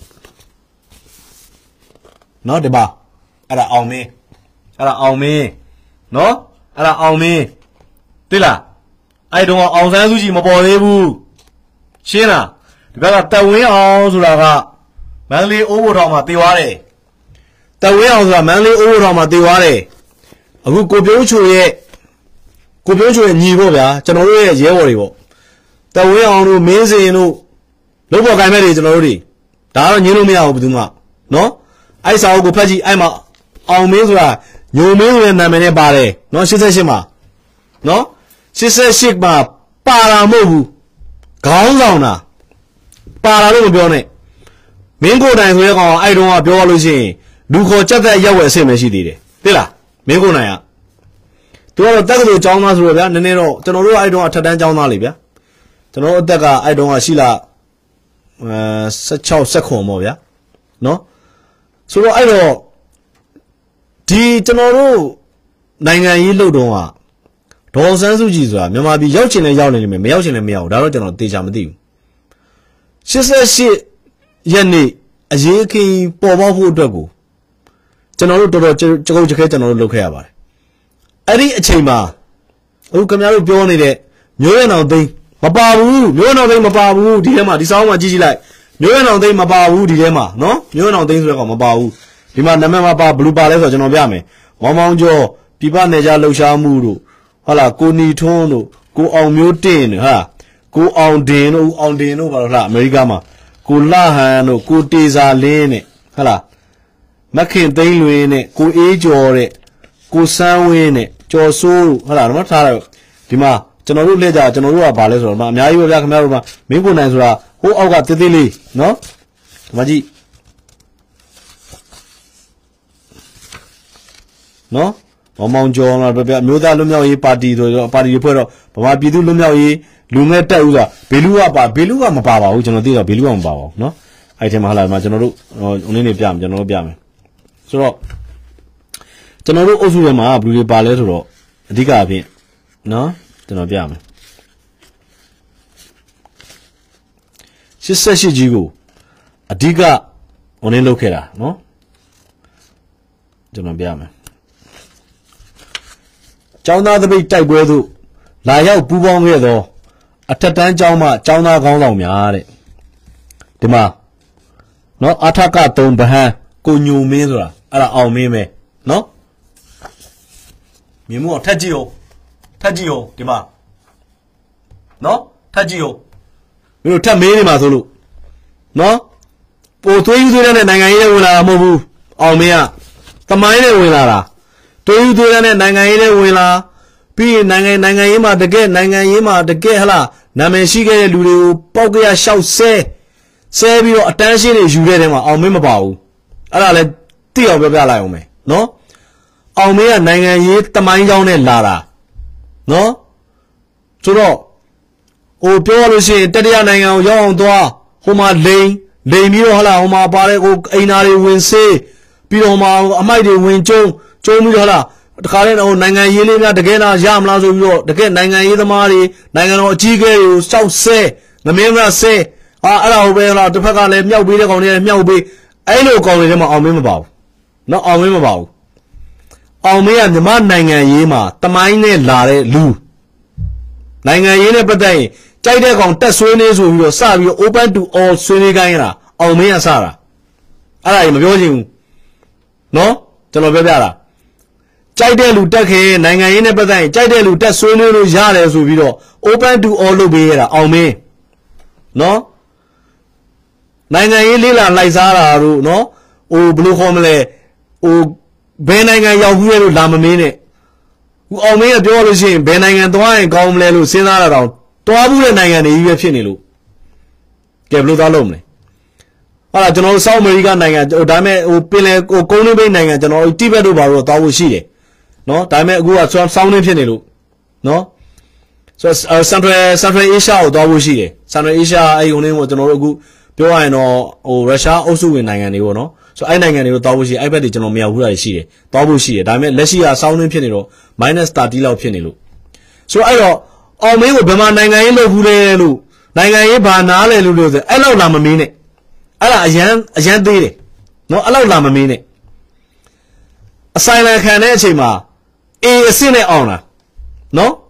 နိုင်ငံရေးဒုက္ခတွေခံတဲ့အချိန်မှာအေနဲ့အောင်တာ on the table အောင်တာအောင်ဝေးဘယ်တော့မှမကြွားခဲ့ဘူးဒါပေမဲ့လမ်းဘေးကနေပြီးတော့ဥရောပဟလားဖင်လန်တို့အင်္ဂလန်တို့ရောက်သွားတဲ့ခွေးတောင်သားတွေကနိုင်ငံရေးတမိုင်းကြောင်တည်တယ်လို့လို့နဲ့နိုင်ငံရေးသမားတွေနိုင်ငံတော်အကြီးအကဲတွေကိုတတ်ဆဲနေလို့ဒီကောင်တွေနဲ့ပြတ်တဲ့ဒီကောင်တွေကိုပြောရအကြောင်းမရှိဘူးကျွန်တော်တို့ကနော် ဟာတက်ဆဲနေတာသူတို့ကပြောတယ်တွေ့လားငါတို့ပြောတာတွေငါတို့ဆဲတာတွေအောင်မြင်လို့ဒီကောင်တွေငါတို့နာမည်ကိုသုံးနေရပြီဆိုပြီးတော့ပြောတယ်နော်ကဲဆိုတော့အဲ့တော့အဲ့ဒီလိုကောင်မျိုးတွေနဲ့လည်းလာမနိုင်နဲ့ကျွန်တော်အဲ့ကောင်မျိုးတွေကိုစောက်ပြီးလည်းမဆိုင်ဘူးကျွန်တော်တို့ကဒီအချိန်အထိပွင့်လင်းပြောရရင်ကျွန်တော်ပြောတာမြန်မာပြည်မှာကျွန်တော် journalism ဒီချိန်ထိမလုပ်ရသေးဘူးလို့ကျွန်တော်တို့ရုံးမှာဆိုရင်ကျွန်တော်ဒီလိုပဲပြောတယ် ကျွန်တော်တို့ကပြောရရင်ဒီ BBC VOA RFA လောက်ကိုတိုက်တာကျွန်တော်တို့ပြောတာဟဲ့ journalism မလိုဘူးလို့ငါတို့ဒီကောင်တွေကောင်တာပဲချမယ်လို့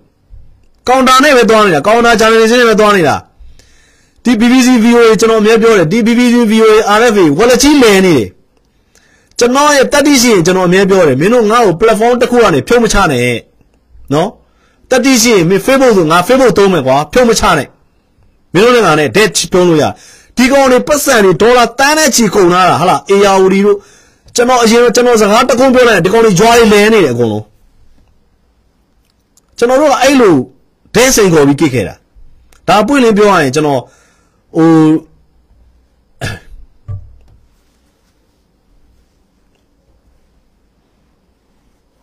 နော်ဟိုပွင့်လင်းပြောရလို့ရှိရင်ဟိုကျွန်တော်တို့ကဟိုရှောက်ရွှေနေလို့ရတာမဟုတ်ဘူး နော်ရှောက်ပြီးတော့ရွှေနေပြီးတော့ဗဇက်လေးရှိရရှောက်ပြောနေလို့ရတာမဟုတ်ဘူး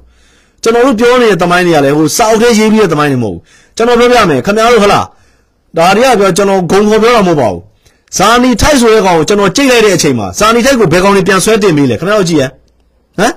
ဇာနီထိုက်ကိုလူမင်းလိုကောင်မျိုးဟုတ်လားတကယ်ခင်ဗျားတို့ဟုတ်လားဟိုပါအခုအမေရိကန်ကိုပြေးသွားတဲ့ဟုတ်လားဗာလဲတရဝန်ပြည်လိုကောင်မျိုးအကုန်လုံးကဝိုင်းဆွဲတင်ကြတာဇာနီထိုက်ကို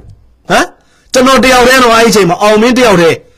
ဒေါ်စုကြီးကမျက်နှာကြီးပြန်လဲပြန်လဲဖြစ်သွားတယ်နော်အဲ့ဒီအချိန်မှာအဲ့ NLD တွေကနေထွက်လာတာခင်ဗျားသွားမေးကြည့်လိုက်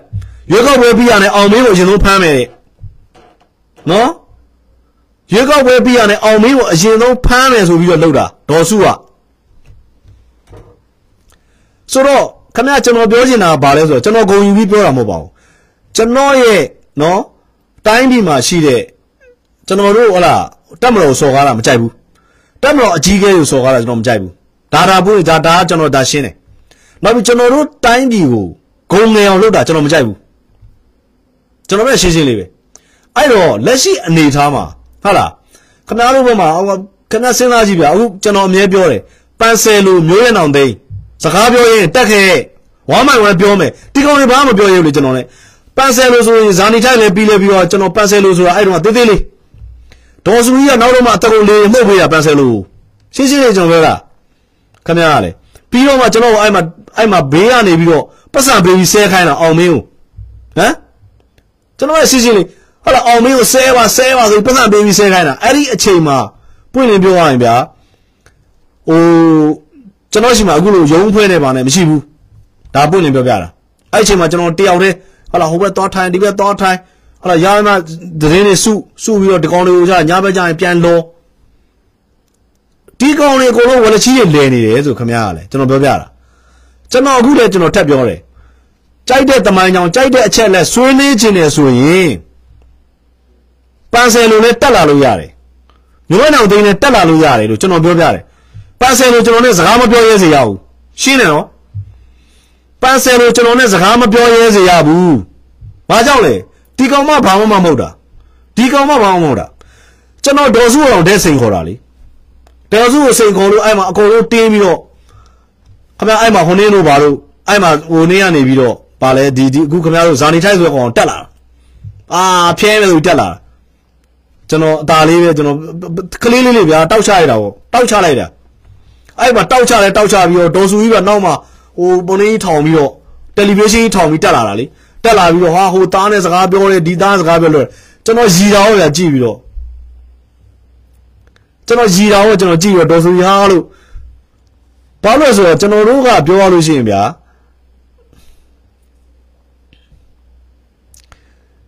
ဟိုပြောရလို့ရှိရင်ဘယ်လိုခေါ်မလဲဒါတွေကဟိုတစ်ချိန်လုံးလေးလာလာတဲ့ဟာတွေဗျာသမင်းစားလို့ရအောင်ကို professional လေးလာလာတဲ့ကိုယ့်ရဲ့ professional line လေ အဲ့တော့ဒါတွေနဲ့ပတ်သက်ပြီးတော့ဘယ်သူကဘယ် flow ရှိတယ်ဘယ်သူကဘယ် flow ရှိတယ်ဆိုတော့ကျွန်တော်တို့အများအားထိုင်ပြီးလေ့လာနေတာဆိုတော့အဲ့ကျွန်တော်တို့ကပြောပြတယ်အခုကထားခင်ဗျားပြောတာခင်ဗျားတို့ရှိမှာဟလားဘလူးကိုဆရာတင်လားဆရာကြီးကဘလူးတင်ထားတယ်ဗျာဇော်ရီစိုးတင်ထားလားလာခဲ့ဇော်ရီစိုးကျွန်တော်နဲ့စကားပြောမယ်နိုင်ဝက်ပြင်ပွဲပြရမယ်ဇာမဇော်ရီစိုးလိုကောင်မျိုးမင်းကိုယ်တိုင်ကခင်ဗျားတို့ဆရာကြီးလားလာခဲ့မင်းကိုယ်တိုင်နဲ့မင်းကိုယ်တိုင်ဆို15မိနစ်နဲ့ပွဲပြရမယ်ဘောပေါက်လားမသိဘူး မင်းကိုယ်တိုင်ဆို15မိနစ်နဲ့ငိုချင်းချသွားစေရမယ်လာခဲ့ online မှာဗျာလူချင်းတွေ့ကြမလို့ပါဘူး online ပေါ်မှာခင်ဗျားကလည်းကြိုက်တဲ့ပုံစံနဲ့တွေ့လို့ရတယ်ပန်ဆယ်လို10မိနစ်ပဲပြောမယ်ဗျာခင်ဗျားတိတ်ကြားတာပြောရမယ်မျိုးရအောင်သိလို့9မိနစ်ပဲပြောမယ်အဲ့ကောင်ဟာကနေငနေဖြစ်သွားစေရမယ်မျိုးရအောင်သိလို့ကောင်မျိုးဆိုတော့ကျွန်တော်ပြောချင်တာဘာလဲဆိုတော့ကျွန်တော်တို့ကတမိုင်းလဲရှိတယ်တမိုင်းလဲသိတယ်မြေပြင်ကိုလည်းပိုင်ဆိုးထားတယ်ခင်ဗျားစဉ်းစားကြည့်အခုနောက်ပိုင်းကျွန်တော်ပြောနေတာဘာကြောင့်လဲဆိုတော့ အခုနောက်ပိုင်းကပြောတဲ့လူတွေများလာတဲ့အတွက်ကျွန်တော်တချို့ကိစ္စလေးတွေကျွန်တော်အပျော်ပြက်အပြောင်ပြက်တော့ပဲပြောတယ်တော့ပဲပြောတယ်ပြောကြပြောကြပါဗျာဘာလူငယ်တွေဆွေးနွေးကြတာကျွန်တော်ကြိုက်တယ်လေအများကြီးပဲအဲ့မှာဇာနီထိုက်ကိုဝိုင်းဆွဲတင်ကြတာလေဒေါ်စုကြီးရဲ့အမိန့်နဲ့အာဇာနီထိုက်ကိုအမဝိုင်းဆွဲတင်ကြတာဟာငါသားလေးကြာသွားပြီလှုပ်ကြပါအောင်ဟဲ့ဆိုပြီးတော့ဟမ်ညညကြကျွန်တော်အဲ့ကြောင့်ထိုင်ကြည့်ပြီးရည်နေလိုက်တာဗောရှင်းရှင်းလေးပဲလေဆိုအဲ့တော့ကျွန်တော်ပြောချင်တာက ဟိုကိုယ်တိုင်းပြည်အတွက်ကိုစေတနာထားပြီးမှန်မှန်ကန်လုပ်ကြပါနော်ခင်ဗျားတို့ကျွန်တော်ပြောချင်တာအခုလက်ရှိအနေအထားမှာကျွန်တော်တိတ်ပြီးတော့ line မှာမတက်ဘူးဘာညာဆိုတာကပြောရရင်ကိုယ့်ရဲ့ငယ်တဲ့လူတွေပြောနေကြတယ်ဗျာဒါပေမဲ့တိတ်မရိုင်းတဲ့ကောင်တွေကြတော့ကျွန်တော်တို့ကတချို့ကိစ္စတွေကဟိုမပြောလို့မရဘူးဗျနော်မပြောလို့မရဘူးနောက်ဒီကောင်တွေကိုနိုင်ကိုကနော်ဒီကောင်တွေကိုနိုင်ကိုကဘယ်လိုလဲဆိုတော့ဟိုပြောရရင်လိန်ပြီးတော့အဲ့နိုင်ငံတွေရောက်သွားတာလေ ဘာတမိုင်းမှလည်းမရှိခဲ့ဘူးဟမ်ဘာတမိုင်းမှလည်းမရှိခဲ့တယ်လို့အခုစီးပွားပြက်ကတ်မှာဒီကောင်တွေအင်္ဂလန်တို့ဖင်လန်တို့မှာငတ်တော့မယ်ငတ်တော့မယ်ဆိုတော့ဒီကောင်တွေနိုင်ငံရေးလို့လို့ဘာလို့လုပ်တာလဲကျွန်တော်ပြောတာဒါပဲဒီကောင်တွေနိုင်ငံလို့ဘာလို့လုပ်ပြီးတော့တက်ဆဲနေကြတာဘာမှရေးချင်းရှိတဲ့ကောင်တွေမှမဟုတ်တယ်ကျွန်တော်သိတာပေါ့ဘာတမိုင်းမှရှိခဲ့တဲ့ကောင်တွေမဟုတ်ဘူးလေလိန်ပြီးတော့ရောက်သွားတာအဲ့နိုင်ငံတွေကိုလိန်ပြီးရောက်သွားပြီးတော့သူတို့အလိန်တွေပေါ်မှာဆိုလို့ ဟုတ်လားဒီဘက်မှာရှိတဲ့ကျွန်တော်တို့ဒါကျွန်တော်တို့ဆိုတာတကယ်ပြောပြောရလို့ရင်တကယ်ဒီမိုကရက်တွေပါနော်တကယ်ဒီမိုကရက်တွေဒီမိုကရက်တွေကိုအသက်ကုန်နှိမ့်ဆဲနေတာဒါပဲလေဒါပဲကျွန်တော်ပြောပြတာဆိုအဲ့တော့ကျွန်တော်ခုနပြောသလိုပေါ့ခင်ဗျားတို့ဥမာဟလာခင်ဗျားတို့ဒီဘက်မှာရှိတဲ့ပန်ဆယ်လိုကဆရာကြီးလားဆရာကြီးဆိုလာခဲ့ပါ15မိနစ်နဲ့ပွဲပြီးအောင်ပြောပေးမယ်ပန်ဆယ်လိုလိုမိမမျိုး15မိနစ်အချိန်ပေးပန်ဆယ်လိုဟာကနေနေနေဖြစ်သွားစေရမယ်ကျွန်တော်ပြောပြတာ ဆိုအဲ့လိုပေါ့မပြောရဘူးပန်ဆယ်လိုတို့မျိုးရင်အောင်သိန်းတို့ကျွန်တော်လည်းလုံးဝမပြောရဘူးဒီကောင်နေခင်ဗျားကလည်းပြောရရင်ဒီကောင်နေခင်ဗျားလည်းအရင်တော့ကဗျာဒါခင်ဗျားဟုတ်လားဒေါ်စုလက်ထက်မှာဟာတော့တခုပြေးတာအဲငါဇော်နီဇာနီရိုက်ပို့လိုက်မှာနော်ဇာနီရိုက်တိုင်ဇာနီတိုင်လည်းအဲ့လိုပဲလေလူကြီးတွေဆဲတယ်အာဒီကောင်လူကြီးတွေဆဲတယ်ဟလားဟိုမှာထားပါတော့ဗျာအဲ့အဲ့ချိန်တုန်းကတချို့ဟလားကျွန်တော်တို့ဒီအငယ်ဦးမောင်မြင့်တို့ဘာနောက်ပြီးတော့ဟလားအငယ်ဦးခင်ကြီးတို့ဘာဒီကောင်ဆဲတယ်တဲ့ဆဲဆဲတယ်ဆဲတယ်နောက်နောက်ပြီးတော့တမိုင်းဦးသိန်းစိန်တို့ဘာဆဲတယ် ဆဲရတယ်အေးမင်းလို့ဆဲပြီးလဲပြီးတော့လာမင်းနဲ့မှလည်းပြောမယ်ဆိုတော့ပြောမယ်လေပါဗျာပြောအောင်မင်းနဲ့ပြောမယ်ဘာညာဆိုအာလာလေပွဲပဲလေနိုင်ရွက်ပဲကြတယ်ဒီကောင်ဟာကနေဟင်းနေဖြစ်သွားပြီတခါလဲဟာဟင်ထိုက်ဖြစ်သွားတယ်အဲ့တော့ကျွန်တော်ပြောချင်တာကပန်ဆယ်လူနော်ညီမလေးပန်ဆယ်လူညီလေးမျိုးရင်အောင်သိန်းမင်းတို့တမိုင်းလဲရှိတယ်တမိုင်းလဲတိတယ်အောင်မင်းကိုဘာကောင်ကြီးလဲလဲတိကျင်တယ်ဆိုရင်စကားရှင်ပြောကြည့်လိုက်ပါနော်တက်ခဲ့ပါ တကဘာလုံးရဲ့ကြည်နေတဲ့ရှေ့မှာပြောမယ်နော်မင်းနိုင်ငံရေးသမားလို့မင်းကိုမင်းခံယူရင်နော်ဆိုတော့ဟလာဥမာပန်ဆယ်လိုလဲဟလာကိုကိုဟလာဟိုတရောင်းသားလို့မခံယူဆိုလို့ရှိရင်ဟလာလာပါဥအောင်မင်းနဲ့စကားရှင်ပြောကြည့်ပါနော်ပန်ဆယ်လိုဟလာဒါမှမဟုတ်ဘဲနဲ့ပန်ဆယ်လိုအနေနဲ့ ကိုကိုတရောင်းသားလို့ခံယူထားရင်တော့ဥအောင်မင်းနဲ့တော့မရှင်နဲ့ပေါ့မပြောနဲ့ပေါ့ဒါရှင်းရှင်းလေးပဲလीနော်ကျွန်တော်ပြောပြတာဥမာဒါဒါပြောရရင်ဗျာတချို့ကိစ္စတွေကပြောရရင်မကောင်းပါဘူးဟုတ်လားခင်ဗျာဟိုကြက်ကြီးဆိုတာလေခင်ဗျာဟုတ်လားဒါဒါရှင်းရှင်းလေးပါပဲเนาะဆိုအဲ့လိုပေါ့အဲ့တော့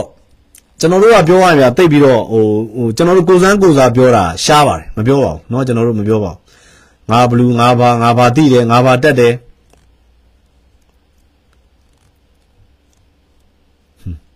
ဆိုအဲ့လိုမျိုးပေါ့အဲ့တော့ညီကျော်ပေါ်ပြီဆိုညီမကျော်လေးတယောက်တော့ပေါ်ဖို့လူပဲထင်တယ်နော်ညီမကျော်လေးဟုတ်လားညီမကျော်လေးပန့်ဆယ်လူစကားပြောခြင်းနဲ့ကိုယ့်ကိုငါအကုန်သိတယ်ငါအကုန်တတ်တယ်ငါဒီတရောင်းသားမဟုတ်ပါလို့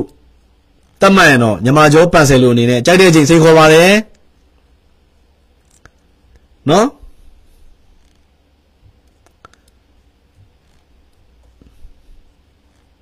နော်ကြိုက်တဲ့အချိန်အောင်မင်းနဲ့ပြောမယ်ဟလားအောင်မင်းနင်ဘာတွေသိထားလဲလာငါနဲ့နင်နဲ့ပြောမယ်ဆိုရင်ပြောပါကျွန်တော်တက်လာခဲ့ပေးပါမယ်နော်ဆိုအဲ့တော့အဲ့လိုမျိုးလေးတွေပေါ့ကျွန်တော်တို့ကပြောရရင်ဟိုဟော်လန်မှာကျွန်တော်တို့ဘယ်လိုနေလဲဆိုတာလည်းသွားကြည့်ပါဦးနော်ဟော်လန်မှာကျွန်တော် dash တင်နေပြီပဲပေါင်းတာနော် dash တင်နေပြီပဲပေါင်းတာ ကျောင်းတက်တဲ့အချိန်မှာအဲယူဂိုစလာဗီးယားတယောက်နဲ့စကားထများတယ်နော်ယူဂိုစလာဗီးယားတယောက်နဲ့ပြောရရင်တော့ဗျာကျွန်တော်တို့ဒါနိုင်ငံငယ်ပြောရရင်ဒီနည်းနည်းဟိုလူနေမှုအဆင့်တန်းနိုင်တဲ့နိုင်ငံကလာတဲ့လူတွေတော်တော်များများကအဲ့မှာကျွန်တော်တို့တော့တွေ့တာပေါ့နော်ကျွန်တော်တို့ကျောင်းမှာယူဂိုစလာဗီးယားကတယောက်ရှိတယ်နော်နောက်ပြီးတော့အဲ့အာဖရိကတို့ဘာတို့ကကျွန်တော်တို့ class ထဲမှာပေါ့နော်ဟိုမှာ class မှာတိတ်မများပါဘူးကျွန်တော်15ယောက်လောက်ပဲရှိတယ် class တစ်ခုနောက်ဂျပန်ကကောင်မလေးတွေရှိတယ်ဂျပန်ကောင်မလေးတွေသူတို့ပတ်စံပေးပြီးလာတက်ကြတာဗျ ဂျပန်ကောင်မလေးရှိတယ်ဂျပန်မလေးရှိတယ်တော့ထိုင်းရှိတယ်နော်ကျွန်တော်ရဲ့ class ထဲမှာဆိုလို့ရှိရင်ဆိုအဲ့လိုပေါ့ဗျာအဲ့တော့ဟိုကျွန်တော်တို့မြန်မာတွေနဲ့တိတ်မပေါင်းပါဘူးနော်မြန်မာတွေနဲ့တိတ်မပေါင်းဟောလာမှာသူတို့သိပါတယ်မြန်မာတွေသိပါတယ်ဆိုတော့အဓိကပြဿနာကဘာလဲဆိုတော့ဟိုမြန်မာတွေဘိုင်းမှာကနည်းနည်းတချို့ဘိုင်းမှာဒါအခုမြန်မာချင်းလည်းပြောရင်မကောင်းပါဘူးစိတ်တဲ့ဘိုင်းမှာနည်းနည်းအောက်တန်းကြလူများတယ်များတယ်အဲအကြောင်းကျွန်တော်သိမပေါဘူး အဲ့လိုမျိုးနော်ဆိုအဲ့ဒါပါဗျာကျွန်တော်ပြောချင်တာကတော့နော်ဟိုစကားလေးပြောတော့တော်တော်ရှည်သွားပြီတနားကြီးခွဲလောက်ဖြစ်ပြီတယ်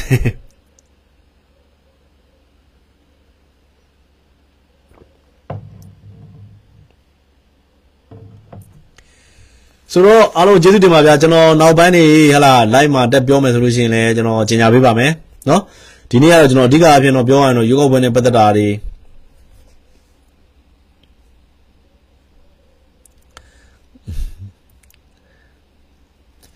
ရုပ်ောက်ပွဲနဲ့ပတ်သက်တာတွေနောက်ကျွန်တော်တို့ဒီ online နဲ့ပတ်သက်တာလေးတွေဟိုကော်မရှင်ကထုတ်လိုက်တဲ့ဟလာဒီပါတီပြန်မှတ်ပုံတင်ရမယ်ဆိုတဲ့ကိစ္စနဲ့ပတ်သက်တာလေးတွေပြောဖို့ပါပဲဒါပေမဲ့ဟိုဘယ်လိုခေါ်မလဲဆိုတော့ဟိုတခြား general knowledge လေးတွေကများသွားတဲ့အတွက်နည်းနည်းလေးရှည်သွားတယ်ဗောနော်။ဘာလို့ live ကသိရှည်လည်းမကောင်းဘူးလေ။ line ကတော့တော်တော်ကောင်းတယ်ဗျ။အခုညောင်ညမှာဘယ်လိုဖြစ်တာလဲ line တော်တော်ကောင်းလာတယ်။ဆိုတော့လူကကြည့်ရတဲ့တော်တော်များနေဗျ။ဒါမဲ့လည်းကျွန်တော်ဒီမှာပဲရရနာပါမယ်နော်။ ဆိုတော့အဲ့ဖက်အဲ့ဆောင်ဒီဆောင်လေးတော့ဖက်ကြနော်။ဒီဆောင်လေးတော့ဖက်ကြနော်။ဒီမှာဒီမှာခင်ဗျာအဲ့မှာခင်ဗျားတို့ရဲ့ online ရဲ့ဘေလူဝါရဲ့တူတော်မောင်ရေးထားတဲ့စာအုပ်နော်။ဒါမဲ့ဒီကောင်တွေကောင်းတော့ကောင်းပါတယ်။တမိုင်းတော့အမှန်ရေးတယ်ဗောနော်ကိုမီပါခဲ့တာလေးကျွန်တော်တို့ဟိုနေ့ဖြစ်ချင်ပါတယ်ဟိုဒီစာထဲမှာထည့်ချင်ပါတယ်ဆိုပြီးတော့ကျွန်တော်တို့ဒါအာဂတကအုပ်စုတွေဗောနော်အဲ့ဒါတွေထည့်ကြတာဆိုအဲ့လိုပါ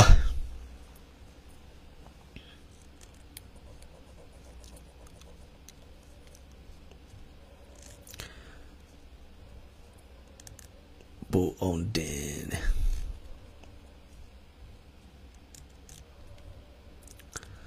နောက်တစ်ခုကျွန်တော်ထပ်ပြောချင်တာတွေကတော့ကျွန်တော်တို့ Facebook account လေးတွေလူကြပါအောင် Facebook တွေကခဏခဏပြုတ်ကြရဗျာ Facebook account လေးလူကြပါအောင်လို့နော်နောက်နေ့တွေဆက်ပြောမယ်နောက်နေ့တွေရှိသေးတယ်နောက်နေ့တွေရှိသေးတယ်နောက်နေ့တွေဆက်ပြောမယ်နော်အားလုံးကျေးဇူးပါဗျာ good night ပါဗျာနော် good night ပါ good night ပါဒီနေ့ဝင်ပြီးတော့အကြည့်ပေးတဲ့လူတွေ like ပေးတဲ့လူတွေ အဲ share ပေးတဲ့လူတွေအားလုံးကျေးဇူးတင်ပါဗျာနော်ကျွန်တော်ကို Facebook account လေးတွေလူကြပါအောင်လို့ပြောရင်းနဲ့ကျွန်တော်ဒီညအတွက်တော့ကျွန်တော်ရဲ့ live ကိုကျွန်တော်ဒီမှာပဲအဆုံးသတ်ပါဗျအားလုံးကျေးဇူးတင်ပါဗျ